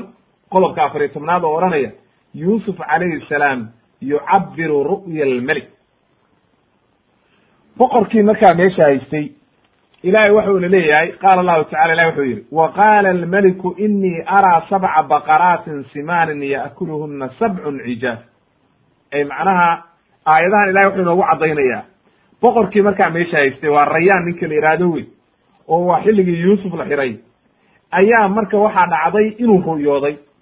Ru'yo arkay habeenkii markuu seexday toddoba saca oo buurbuuran iyo toddoba caata ah ijaaf caata ah oo waxa weeye ebere oo cunaya toddobadii buura ayuu ku riyooday wa sabca sumbulaatin iyo iyo waxa weeye mirihii oo beertii soo baxday oo toddoba qoqoyan oo qurux badan oo cagaaran iyo toddoba qalalan markaasuu wuxuu ku yidhi yaa ayuha almalow aftunii fi ru'yaaya in kuntum liru'ya tacburuun nimankii boqoradii nimankii meesha jooga oo madaxda ayuu wuxuu ku yidhi ii fasira ru'yadan haddii aad waxa weeye garanaysaan oo ru'yo si loo fasira aad taqaaniin arrintan fasira marka. Qaalu waxay yidhahdeen adqaafu axlaamin. Macnaha waa wax isku dhex yaacsan wey waxa weeye waxaad habeenka axlaam ee aru'ya almukhtalita ru'yo khariban wey oo khalada waan ru'yo lahayn oo isku dhex yaacsan oo waxa isku dhex jirta oo waxaani waa qarawe ru'yo maaha bay leeyihiin wama naxnu bita'wiili alaxlaami bicaalami mana naqan annaga waxyaalo qarwa ma fasiri karno? Wax saxa haddaa keeni lahayd waa kuu fasiri lahayn. Laakin waxaan khaladka ah hor meelaha la aad ba yidhah waxaa xusuustay markaa ninkii waxa weye la soo daayey oo muddo ilaawey. Ayaa arrintii xusuustay? Yuusuf buu xusuustay. Oo waxay yidhi markaasu wuxuu yidhi ilahay waxau yidhi wa aladii najaa minhuma labadii wiil kii la soo daayey oo badbaaday ayaa wuxuu yidhi wadakara bacda ummatin ana unabiukum ana unabi'ukum bita'wiilihi faarsiluun anaa markuu xusuustay muddo ka bacdi oo muddo la joogay oo ilaawey ayuu wuxuu war hadduu xusuustay ru'yadii yuusuf u fasiray ayuu ku soo xusuustay ru'yadan markuu maqlay markaasuu yidhi anaa idiin sheegaya oo idiin fasiraye aniga idira waa soo direen marka yuusuf buu u yimi yuusufu ayuha sidiiqu aftinaa fi sabci baqaraatin simaanin yaakuluhuna ila aakhir alaayaat. Marka wuxuu leyahy ibn katir raximahullah asbaabtaani waxa weeye jumlat asbaabi khuruuji yuusuf calayhi salaam min asijn sababtii ru'yadaani waxay ahayd sabab bay u noqotay yuusuf uu xabsiga kaga soo baxo. Ayay sabab u noqotay. Leannu ninkaani markuu ru'yooday boqorkaa oo ru'yadii uu uga sheekeeyey nimankan madaxda oo la fadhiyey wasiiradii iyo nimankii khatarta ahaa waxay yidhahdeen adqaafu axlaamin ay ikhtilaadu min alleyl axlaam min alleyl oo waxaad habeenkii isku qarowday weeye wax ay leedahay qaybaha ma jirto waxaan ru'yana ma ah wax khariban wey markaas ay saa yidhaahdeen ayaa wiilkii yarkahabaa marka la jooga. Haatan uu khamrigii waraabinayo. Waa wiilkii waa shaqaynaya. Khamrigii iyo wixii buu waraabinaya markaasuu xusuusta. Oo uu garto. Markay yidhahdeen wama naxnu bita'wiili alaxlaami bicaalami fa cinda dalika tadakara annaaji waa xusuustay marka ninkii ilaahay uu badbaadiyey oo xabsiga laga soo badbaadiyey oo ru'yadii yuusuf markii hore u fasiray ayaa xusuustay marka ilahay baa marka waxaan ugu talagalay waa min taqdiir illahi wey walahu alxikmatu lba'li mar alla markii uu maqlay marka ru'yadii melega oo boqorkii oo uu arkay nimankaani inay ka caajiseen oo ayna fasiri karin ayuu wuxuu yidhi war aniga i amra oo idira oo amar isiiya iskama tegi kara ila waa addoone aniga idira buu yidhi. Aniga ayaa waxa weeye arrintaas soo caddaynaya ilahay wuxuu yidhi marka wadakara bacda ummatin. Qaarka macnaha waxa weeye ba la yidhi bacda ummatin ay macnaha bacda zamanin muddo ka bacdi ay muddatin. Marka waxaa jirta mujaahid oo kale wuxuu akriyey oo qiraa'a jirta bacda ummahin bacda umhin umhin macnaha bacda nisyaanin ilow weeye. Marka umhin markii la yidhahdo oo ha laga dhigo waxa weeye waa nisyaan waa ilow marka amahinna way noqotaa ama umahin labadaba waa layahay marka sidaa daraaddeed waxa weye waa ilow wey kama qaala shaacir amihtu wa kuntu laa ansa. Ay macnaha waan ilaawey. Marka ilowna way noqotaa muddona way noqotaa zamaanna way noqotaa labadaba way noqotaa bay culimmadu leeyihiin oo labadaba waa lagu fasiray markaasu wuxuu yidhi aniga idira oo yuusuf idira wuu tegey marka. Yuusuf buu u tegey. Oo wuxuu yidhi yuusufu ayuha sidiiq wuxuu ku magacaabay kelimad aad iyo aad u wanaagsan. Runsheego buu yidhi. Leanna marka hore waatuu intuu ufasiray uu ku badbaaday. War ninkaagaan runta sheegi jirayo waxa weeye noo sheeg aftinaa noo fatwo.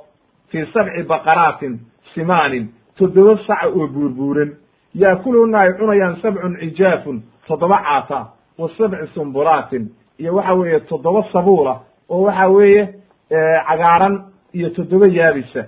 Lacallii arjicu ila annaasi lacallahum yaclamuun. Waxaad mudanahay markaa haddii aad ii sheegtid inaan dadkii u geeyo marka ay ku camal falaane noo fasir arrintan qaala ibnu kasiir wuxuu yidhi nabiyullahi yuusuf calayhi salaam cilmigiisii iyo wanaagiisii waxba kuma kuma xujaynin horu uga fasira wax uu ku xujeeye ma jirto. Leannahu ma oran xabsigaa laga saar. Ma oran waa anigii awal kuu fasiray maxaad iu ilowday ballantaydii? Waxba kuma xujaynin wuxuu yidhi markaasuu u fasiray oo waxa weeye wuu caddeeyey. Wuxuu yidhi markaa waxaa idii imaanaysa toddoba sano oo barwaaqo ah tazracuuna sabca siniina da'ban famaa xasadtum fii sumbuli fadaru'u fii sumbuli wuxuu yidhi toddoba sano oo barwaaqaa ayaa idii imaanaysa toddobadaas sanoo barwaaqadaa marka idii timaado oo waxa weye aada beerataan beeraha midhaha ka soo baxay aruuriya oo waxa weye sumbulkiisa intay u daysaan oo oo qashinka yaan laga daadine meel ha la dhigo. Oo waxa weeye daaye oo xifdiya. Ilaa qaliila mima ta'kuluun. Wax yar aad cunaysaan mooye.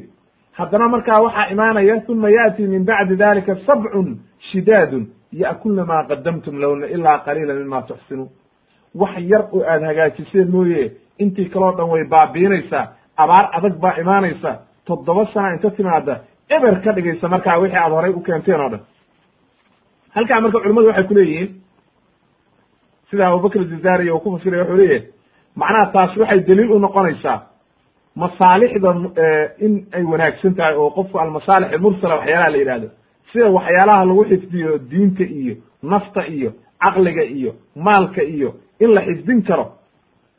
Ama qowluhu mima tuxsinuun ay macnaha in wax la kaydsan karo oo qofku sanad dhan wixii soo socda ama toddoba sano iyo waxa soo socota inuu kayd samaysan karo oo ilmihiisa iyo reerkiisa uu biilka u kaydin karo ayaa halkaas ay daliil u tahay wey oo raashin badan aad guriga dhigan kartid oo aynan ahayn wax tawakulkii ka hor imaanaya inayna ahayn bay kutusaysa haddaba halkaa wuxuu u caddeeyey marka toddoba sano markii ay waxa weeye doog heshaan oo barwaaqowdaan oo ilaahay u ida barwaaqeeyo ayaa waxa idinkaga daba imaanaysa toddoba sano oo waxa weeye abaara oo halaag iyo dhibaata oo wax walba baabiinaysa.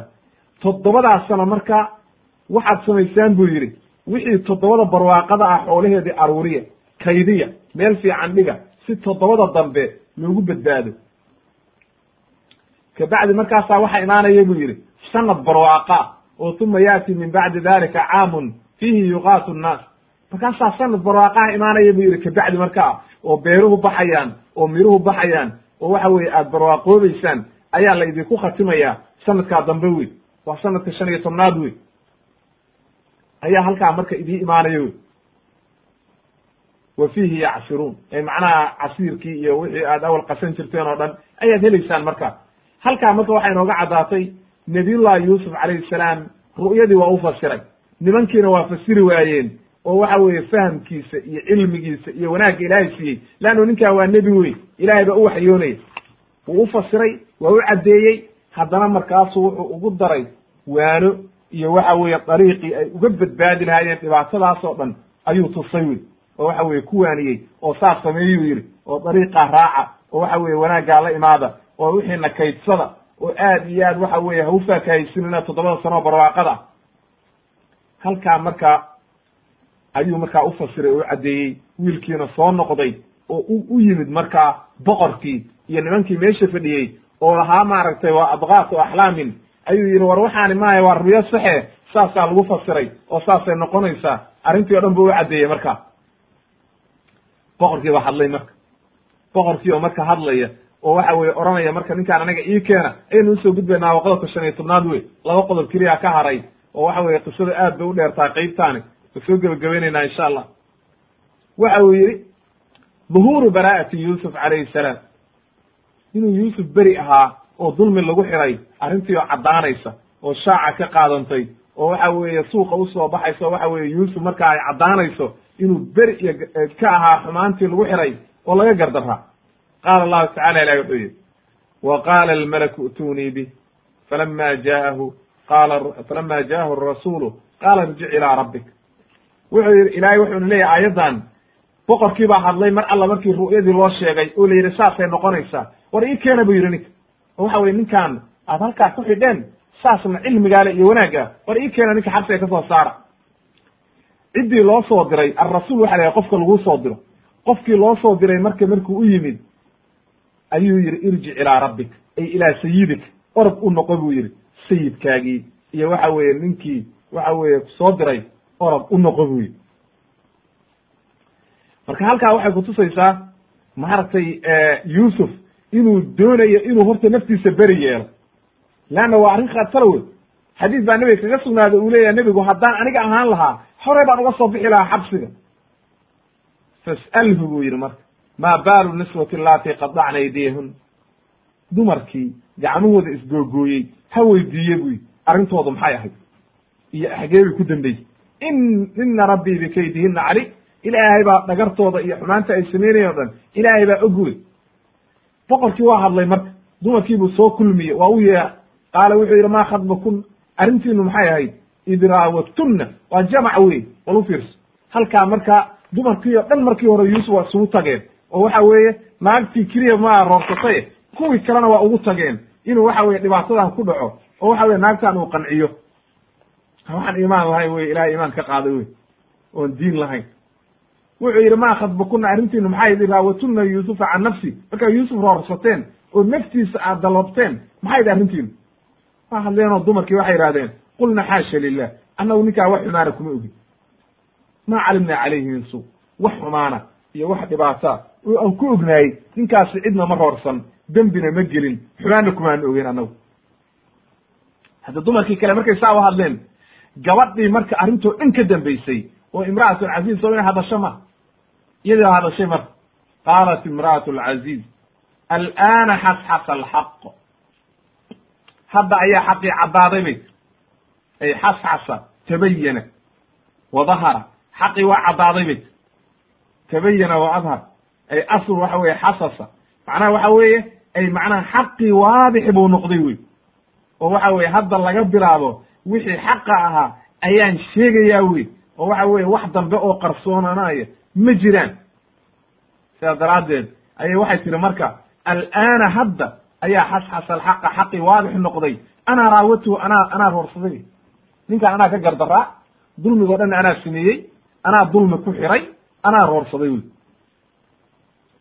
anaa raawatuhu can nafsi wa inahu la min asaadiqiin run buu sheegayaa oo anaa gardaraa anaana roorsaday wy ibnu kathiir wuxuu leeyahy halkaa markii uu ogaaday boqorkii ninkaana cilmi inuu leeyahay wanaag inuu leeyahay ilaahay cilmi siiyey oo nimankan uu arkay ag farfadhiya iyo wasiiradan iyo madaxdaana inaynan waxbaba kala garanaynin ayuu yidhi war ninka ii keena caqliga leh oo waxa weeye m aad iyo aad u caqliga badan oo cilmiga badan ii keena. Mar alla markii yuusuf loo yimid marka ayuu yuusuf wuxuu doonay horta naftiisa inuu beri yeelo marka. Waa janis wey haddii aniga maanta la ii baahday horta ninkii intuu soo celiyey buu wuxuu yidhi weydi aniga dulmi baa laygu soo xiray. Oo waxa weye anigoo dulmigii laygu soo xiray haddana maanta soo bax yeeli maydo ila maxkamad lama soo taagin oo waxa weye meeshii maxkamadi ma jirin. Ninkaan inta layska xiray oo xabsi layska geliyey ayuu xabsiga isaga jiri oo waxa weye ciduu u xiran yahay lama yaqaan. Waa dulmigii soomaaliya oo soomaalida in haystay oo kale. Qof baa la iska xirayaa nin madaxaa xiranaya dhowr sano iska xiraanaya. War qofkaan muxuu u xiran yahay? Hebel baa soo xirtay hala weydiiyaa lii. Maxkamad la saari mayo cadaalad ma jirto waxba ma jirto. Markaasu waxa weeye boqorkii markuu u soo noqday ayuu weydiiyey marka. Arrintaa marka waxay kutusaysa sabarka iyo cajiibka uu yuusuf su u sabray ayay kutusaysa leanno xabsigii oo looga yeerayo ayuu diiday inuu ka baxo ilaa waxa weeye oo waxa weeye arrintiisa lakala caddeeyo wey markaasuu u yeeray ninkii boqorka ahaa ayaa u yeeray dumarkii oo dhan soo kulmiyey markaasay hadleen oo waxay yidhahdeen markuu weydiiyey annagu ninkaa wax xumaana kuma ogin. Mar alla markay saa yidhaahdeen oo yidhahdeen annaga xumaan kuma ogin oo ninkaa wax dhibaataa uu sameeyey ma jirto ayay gabadhiina hadashay. Oo waxay tihi xaqiiqadu waxa weeye ninkaan anaa roorsaday dulmigoo dhanna anaa sameeyey naftiisana anaa ka dalbay anigaa gardaraa xumaantoo dhanna anaa sameeyey ee ninkaani beri buu ahaa. Oo waxa weye run buu sheegay. Oo waa run sheeg wey. Anigaa dulmigaanoo dhan waa aniga wey. Halkaasay marka arrinteedii ku caddaatay oo ay caddaysay inay khaladkao dhan iyadu lahayd markaasuu ninkii marka boqorkaa wuxuu yidhi ii keena marka yuusuf. Halkaa ayaa marka yuusuf la keeni doonaa oo xabsigii uu ka soo baxayaa marka. Waxaynu marka u imaanaynaa qodobka ugu dambeeya oo lix iyo toban oo odhanaya aqwaalu lculamaa fi qowlihi tacaala dalika liyaclama anii lam akunhu bilgeyb gabadhii markay tiri ana raawatuhu can nafsii wa inahu la min asaadiqiin run buu sheegayaa dalika liyaclama anii lam akunhu bilgeybi baa ku xigta haddaba marka ilaahay qowlkan uu ina yidhi dalika liyaclama anii lam akunhu bilgeyb wa ana allaha laa yahdi kayda alkhaa'iniin yaa loo jeeda qowlkan ma gabadhaa tiri sulaykha miyaa tiri oo tiri dalika liyaclama anii lam akunhu bilgeyb mise yuusuf baa yidhi ibn kathir wuxuu leyahy raximahullah inahu min kalaami yuusuf yuusuf baa yidhi ay macnaha waxa weeye macnuhu inamaa dalabtu taxqiiqa hada liyaclama alcaziizu anii lam akunhu bidahri lgeyb waxaan u dalbay arrintaa oon xabsiga u diiday inaan ka baxo waxaad moodaa yidhi in la yidhi yuusuf maxaad xabsiga uga soo bixi weyday markaa uu yidhi waxaan xabsiga uga soo bixi waaye oon u soo celiyey ninkii la ii soo diray inuu ogaado ninkii madaxda ahaa oo wasiirka ahaa oo gabadhaan qabay inay aniga iga gardarayd oo aanan roorsan oo aanan xaaskiisi u dabamarin inuu ogaado leanna waxaa dhici karta inay naagtaani tiraahdo war ninkaani isagaa roorsaday oo waxa weeye ay maaragtay ka dhaadhiciso sidaa daraaddeed marka inuu ogaado ayaan ugu talagalay wey oo ay afkeeda ka qirato oo dadkoo dhan oo maqlaya ay caddayso inay gardaray culammada qaarna waxay yidhaahdeen maya ee waxa weeye waa min kalaami zulaykha oo gabadhaa tiri oo waxay tihi markay tihi ana raawatuhu can nafsii wa inahu la min asaadiqiin ayay waxay tihi dalika liyaclama anii lam akunhu bilgeyb ay macnaha waxaan saa u sameeyey oo u qirtay liyaclama zawjii ninkayga inuu ogaado inaanan anigu khaa'inin oo zina ku dhicin. Laakiin waan doonay keliya arrintiina weli zina kuma dhicin.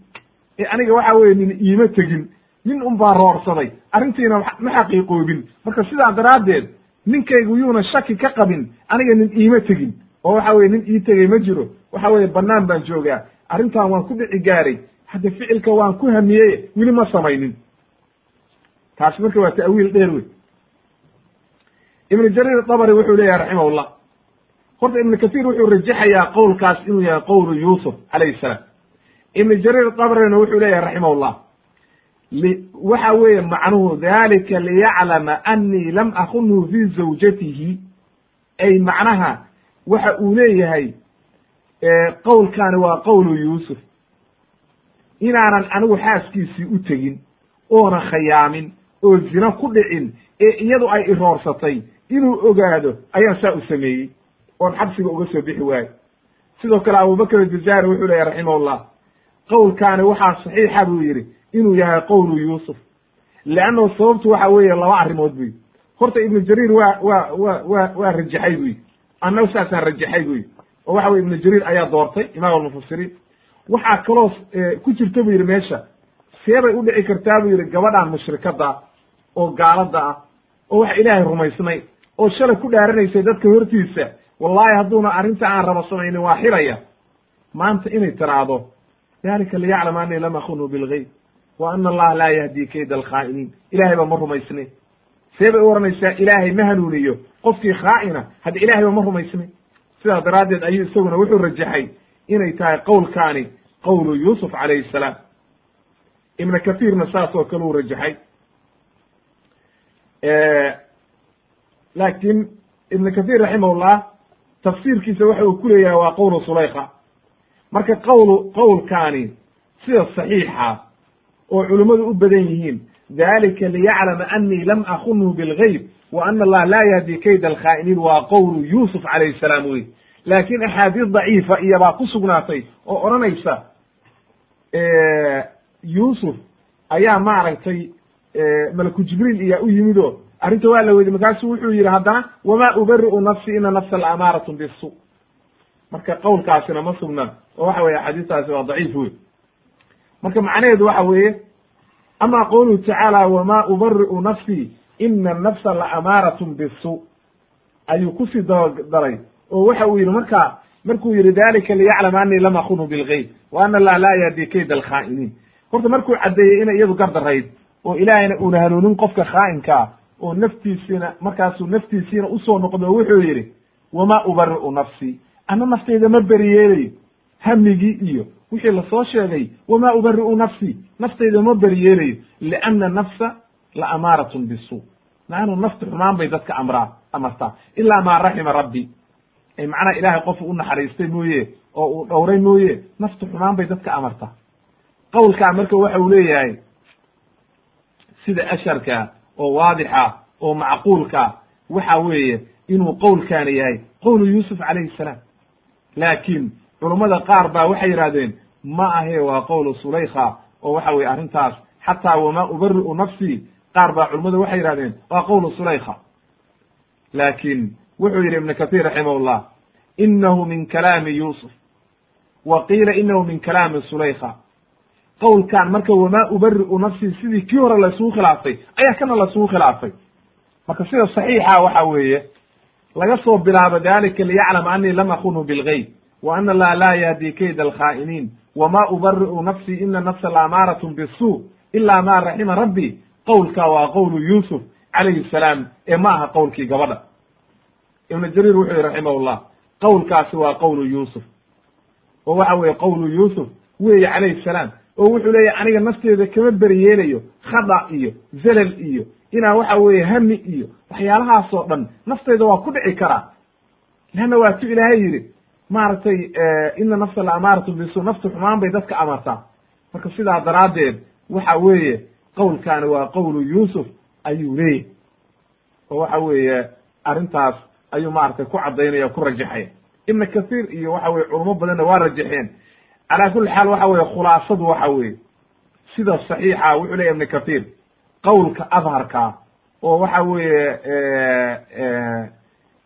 siyaaqa waafaqsan waxaad moodaa inuu yahay qowlkaani qowlu sulaykha laakiin ibnu jariir iyo culumo badan oo kale waxay rajaxayaan inuu yahay qowlu yuusuf calayhi salaam oo waxa weye uu naftiisa ka beri yeelayo inay waxa weeye ay ku dhacdo istustus iyo waxa weye maaragtay waxaan loo baanay haddaba halkaa ayay marxaladii labaad oo qisatu yuusuf calayhi salaam ay ku eg tahay oo waxa weye aan ku soo gebagabaynaynaa fawaa'idii un baa inoo dhiman oo aynu qeyb ka sheegaynaa insha allahu tabaaraka wa tacaala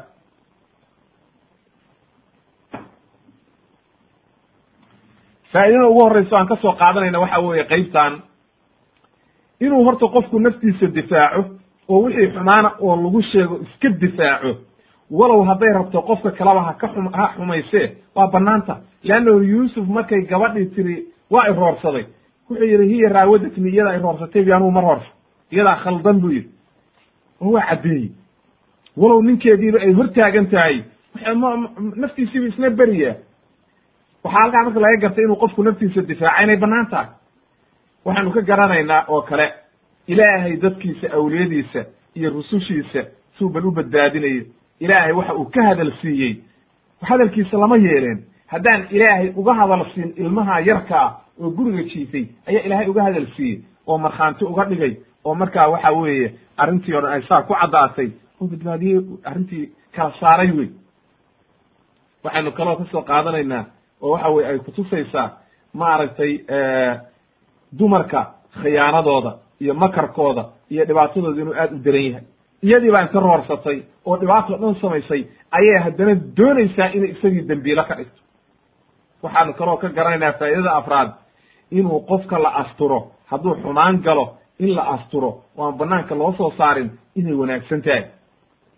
Waxaanu kaloo ka qaadanaynaa faa'idada shanaad sabirka iyo wanaagga uu leeyahay oo waxa weye ilaahay in la adeeco daacada ilaahay lagu taagnaado waxa weeye sabirku aad buu u fadli badan yahay. Waa in aad iyo aad mar walba loogu digtoonaado wey dabiicatu midda lixaad waxa weeye dabiicada insaanku waxay jeceshahay waxyaalaha akhbaarta inay raacraacaan oo warka la sheeg sheego. Isla markiiba warkii suuqu ku yaacay oo dumarkii oo dhan baa ku sheekaysanaya gabadha warkeedii wiilkii bay roorsatay suuqii oo dhan bay gashay.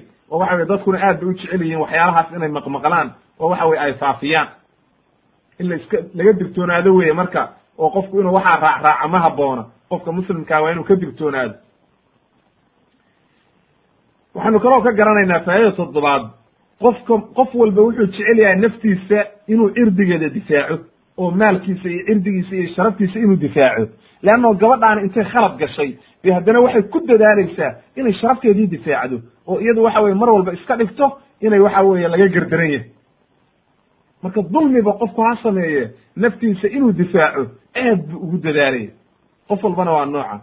Waxaanu kaloo ka qaadanaynaa faa'idada sideedaad qofka dumarkaahi macnaha daciif inay tahay.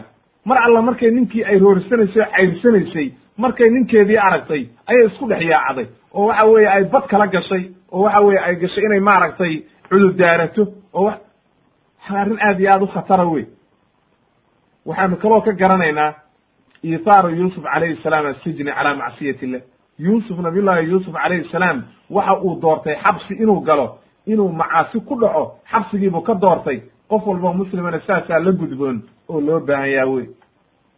Midda tobnaad aljahlu billahi fi diinihi wa asmaa'ihi wa sifaatihi iyo waciidkiisa iyo ilaahay diintiisa in jaahil laga noqdo waxay qofka ku keenaysaa inuu xumaan walba ku dhaco hadduu diintii yaqaanna wax walba inuu ka joogsado ayay ku bixinaysaa wey faa'idada kaloo aanu ka qaadanayna waxa weeye dukhulu yuusuf assijn. Yuusuf xabsigii uu galay bilowgiisii waxa uu ahaa waxyaalo mashaakila oo dhib baa loo arkayey laakiin aakhirkiisii sabab wuxuu u noqday inuu boqortooyadii oo dhan uu gacanta ku dhigay oo xabsigii laga soo saaray oo waxa weye markaa waxa weye madax noqday aya waxa weye sabab u noqday leanna hadduu gurigaan iska joogi lahaa haddi waxa waxa laga yaabaaba inaynan asbaabtaani heerkaa gaareen waxaynu kaloo ka qaadanaynaa faa'idada saddex iyo to labiyo toban dukulu sijni laysa daa'iman daliilan cala annahu maaragtay bayt lmujrimiin inuu yahay xabsigu mar walba inuu yahay meel lagu xiro un dadka dulmiga sameeye keliya inayna ahayn baad ka garanaysa qofku isagoo mu'mina oo wanaagsan ayaa dulmi lagu xiri karaa oo laga gerdaran yahay oo waxa weeye gardarro lagu xiri karaa. Taasaa marka kutusaysa nabiyullahi yuusuf gardaraa lagu xiray ee waxa weye xabsiga ma aha mar walba in dadka ku jira ay yihiin dad xun ma aha. Macnaheedu. Oo marka qof walba oo la xidha hamoodin akhilmuslima waktilmuslima inuu yahay qof xun qofka isagoo fiican baa la xiri karaa oo dulmi lagu xiri karaa. Meeqaa dad wadaadaah oo wanaagsanaa oo sharaf leh gardarro lagu xiri jiray oo waxa weye xabsi la isaga riday oo xabsi ka buuxa midda saddex iyo tobnaad waxaynu ka qaadanaynaa tacbiiru ru'ya inay tahay maaragtay inuu maaragtay ay tahay wax ilaahay uu qofka baro oo waxa weeye gaar ah oo cilmi ilaahay uu dadka baro inay tahay. Waxaynu kaloo ka qaadanaynaa faa'idada afar iyo toban qofku meelaha munaasabaadka dacwada inuu kaga faa'iidaysto.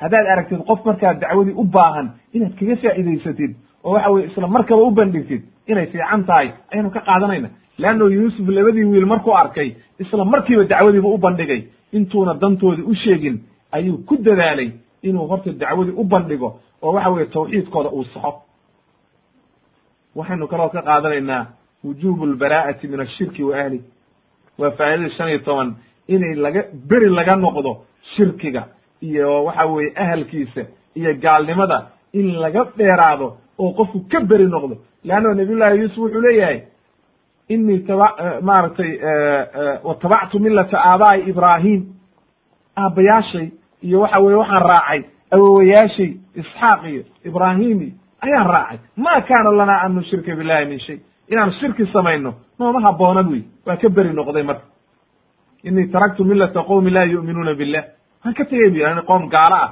waxa weeye diintooda iyo gaalnimadoodii banaankaan ka maray buy faa'idada lix iyo toban waxa weeye waxaynu ka qaadanaynaa awowayaasha in la odhan karo magaca aabbaha lagu magacaabi karo awowaha leanna awowa waa aabba wey marka awowgaa iyo adeerkaa iyo inaad aabbe odhan kartid ayaynu ka qaadanayna leanno yuusuf calayhi salaam awowgii isxaaq isxaaq iyo ibraahim iyo awowayaashiis ayuu leeyahay aabaa'i aabbayaashay ayuu leeyahy iyo in kaloo ay haddana bannaan tahay inaad tawxiidka qofka u tuftid biariiqatin macnaha dadkii hore wanaaggoodii oo kale.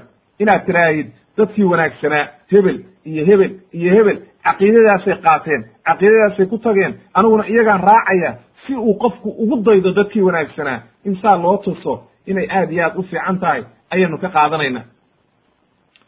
Faa'idada sideed iyo toban waxa weeye laa xukma fi shayin ila bixukmi illah ilaahay wuxuu xukmiye maahe.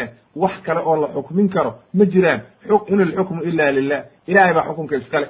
Oo diintiisa iyo kitaabkiisa iyo sunaha nebiga in lagu xukuntamo lagu socdo wey wax kaloo xukuma waa baatil wey waxaynu kaloo ka qaadanaynaa faa'idada sagaal iyo toban mashruuciyat listiftaa fi kuli mushkil min alumuur wax walba oo qofka mashaakil ku noqda oo dhib ku noqda inuu waxa weeye weydiin karo wixii cilmi u leh ayaynu ka qaadanayna leanno nabiyullahi yuusuf wiilashii waxay leeyihiin noo fatwood oo waxa weye arrintaa noo caddee bay leyihin waa fatwo wey waxaynu ka qaadanaynaa faa'idada labaatanaad jawaazu ru'ya asaalixa yaraaha alkafir alfaasiq inuu qofka gaalka ah ama faasiqa ah muslimba ha ahaadee inuu arki karo ru'yo wanaagsan.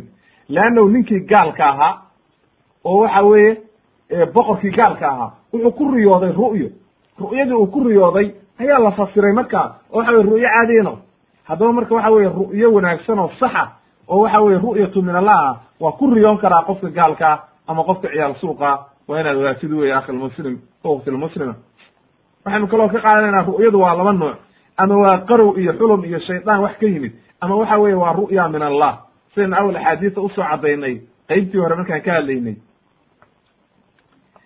waxaynu ka qaadanaynaa faa'idada labiyo labaatan. Annisyaanu min sifaati albashar. Qofku inuu wax ilaawo waa wax caadiya oo bilo-aadmiga oo dhan ku abuuran oo qofku wax waa ilaawi kara. Leanna wiilkii waa ilaawey nabiyullahi yuusufna waa ilaawey inuu ilaahay xuso markaasuu meel kale oo waxa weeye cid kale wax ka doonay. Marka inuu qofku wax ilaawo insaan oo dhan ba waxaa loo yidhi waa annisyaan wey waa ilaawayaa qofku wixii jawaas midda saddex iyo labaatanaad waxaynu ka qaadanaynaa in ay bannaan tahay sifo wanaagsan hadduu qofku leeyahay in lagu tilmaami karo run sheegow la odhan karo wanaagsanow la odhan karo kii qofku hadduu wanaagsan yahy leanna wuxuu yidhi ayuha sidiiqu yuusufu ayuha sidiiqu buu yidhi ee run sheegow. Marka qofka wanaagsan sifo wanaagsan waa lagu tilmaami karaa haddayna riyaa ahayn iyo markaa waxa weeye wax kale loola jeedin fadlu yuusuf calayhi salaam baynu ka qaadanaynaa calaa ahli masr nimankaa reer masr wanaagga uu yuusuf u galay ayaanu ka qaadanaynaa. Leannahu intuu u fasiray ru'yadii ayuu haddana markaa wuxuu u sheegay wixii ay kaga badbaadi lahaayeen abaarta iyo dhibaatada iyo dariiqii ay mari lahaayeen iyo habkay samayn lahaayeen ayuu u sheegay oo caddeeyey wey oo u naseexeeyey marka fadlulcilmi baynu ka qaadanaynaa cilmiga sharafta uu leeyahay. Liannahu yuusuf waxa heerkaa gaarsiiyey oo waxa weeye oo saa heerkaa gaarsiiyey. Waa cilmigiisi iyo sharaftiisi wey cilmigii baa marka kor u qaaday. Rafiicu darajaat waatu ilah ilah maarata ilaahay waxa weye qofka ahlu cilmiga ilahay kor buu u qaadaa kalaamkiisa iyo waxa weye cilmigiisa. Ayaa heerkaa gaarsiiyey marka yuusuf cilmigii ilaahay baray ayaa halkaa gaarsiiyey. Faa'idada sideed iyo labaatan waxaynu ka qaadanaynaa fadliga ay leedahay fadiilat maaragtay fadliga ay leedahay iyo wanaagga ay leedahay inuu qofku noqdo qof degan oo uuna degdegin oo wax markii laguu sheego aadan ku degdegin ee wixii aa hubsatid fadiilatu sidqi baynu ka qaadanaynaa wa qowlu lxaq walow kaana cala nafsi. Qofku inuu runta sheego oo wanaagga uu sheego liannahu gabadhii waxay tihi ana raawatu alana xasxasa alxaq ana raawatuhu xaqiiqadii bay sheegtay. Nafteedii bay ku markhaanti kacday oo waxay tihi ninkan waa laga gerderan yahay anaa roorsaday dhibaatado dhanna anaa sameeyey anaa khalad samey way qaratay marka. Waxaynu kaloo ka qaadanaynaa faa'idada ugu dambaysa oo soddonaad sharafu sulaykha biiqraariha bidembiha dembigeedii inay qaratay marka markay dembigeedii qaratay bay culimmadu leeyihiin ilaahay derajadeediibu kor u qaaday. Markii dambe way muslimtay ba la yidhi oo nabiyullaahi yuusuf gacantiisay ku islaamtay. Kabacdina ninkeedii markuu dhintay nabiyullaahi yuusuf baa guursaday ba la yidhi. Oo ay carruur u dhashay oo ay xaaskiisii tahay adduun iyo aakhiraba. Oo waxa weye waxay noqotay waxa weeye gabar nebi uu qabo ayay noqotay marka. Intaa marka ayaynu ku soo gebagabaynaynaa marxaladii labaad oo qisatu yuusuf calayhi salaam. Waxaan leeyahay marka wax alla wixii khalada oo iga dhacayna ilahay baan uga toobad keenaya wax alla wixii saxana ilaahay baan ku maadinaya qof walba oo ka faa'idaysana waxaan leeyahay ilahay ha ka mid dhigo aladiina yastamicuuna alqawla fayatabicuuna axsana wsubxaanaka allahuma wabixamdika ashhadu an laa ilaha ila anta astakfiruka waatuubu ilayk. Marxaladda saddexaad baynu u gudbi doonaa haddii rabidmo oo waxa weye markaa odhanaysaa marxalatu yuusuf maaragtay marxalat alcizi watamkiin yuusuf oo boqor noqday oo madax noqday oo masar oo dhan maamulaya oo walaalihii u imaan doonaan in sha allahu tabaaraka wa tacaala. Walxamdu lilahi rabbi alcaalamiin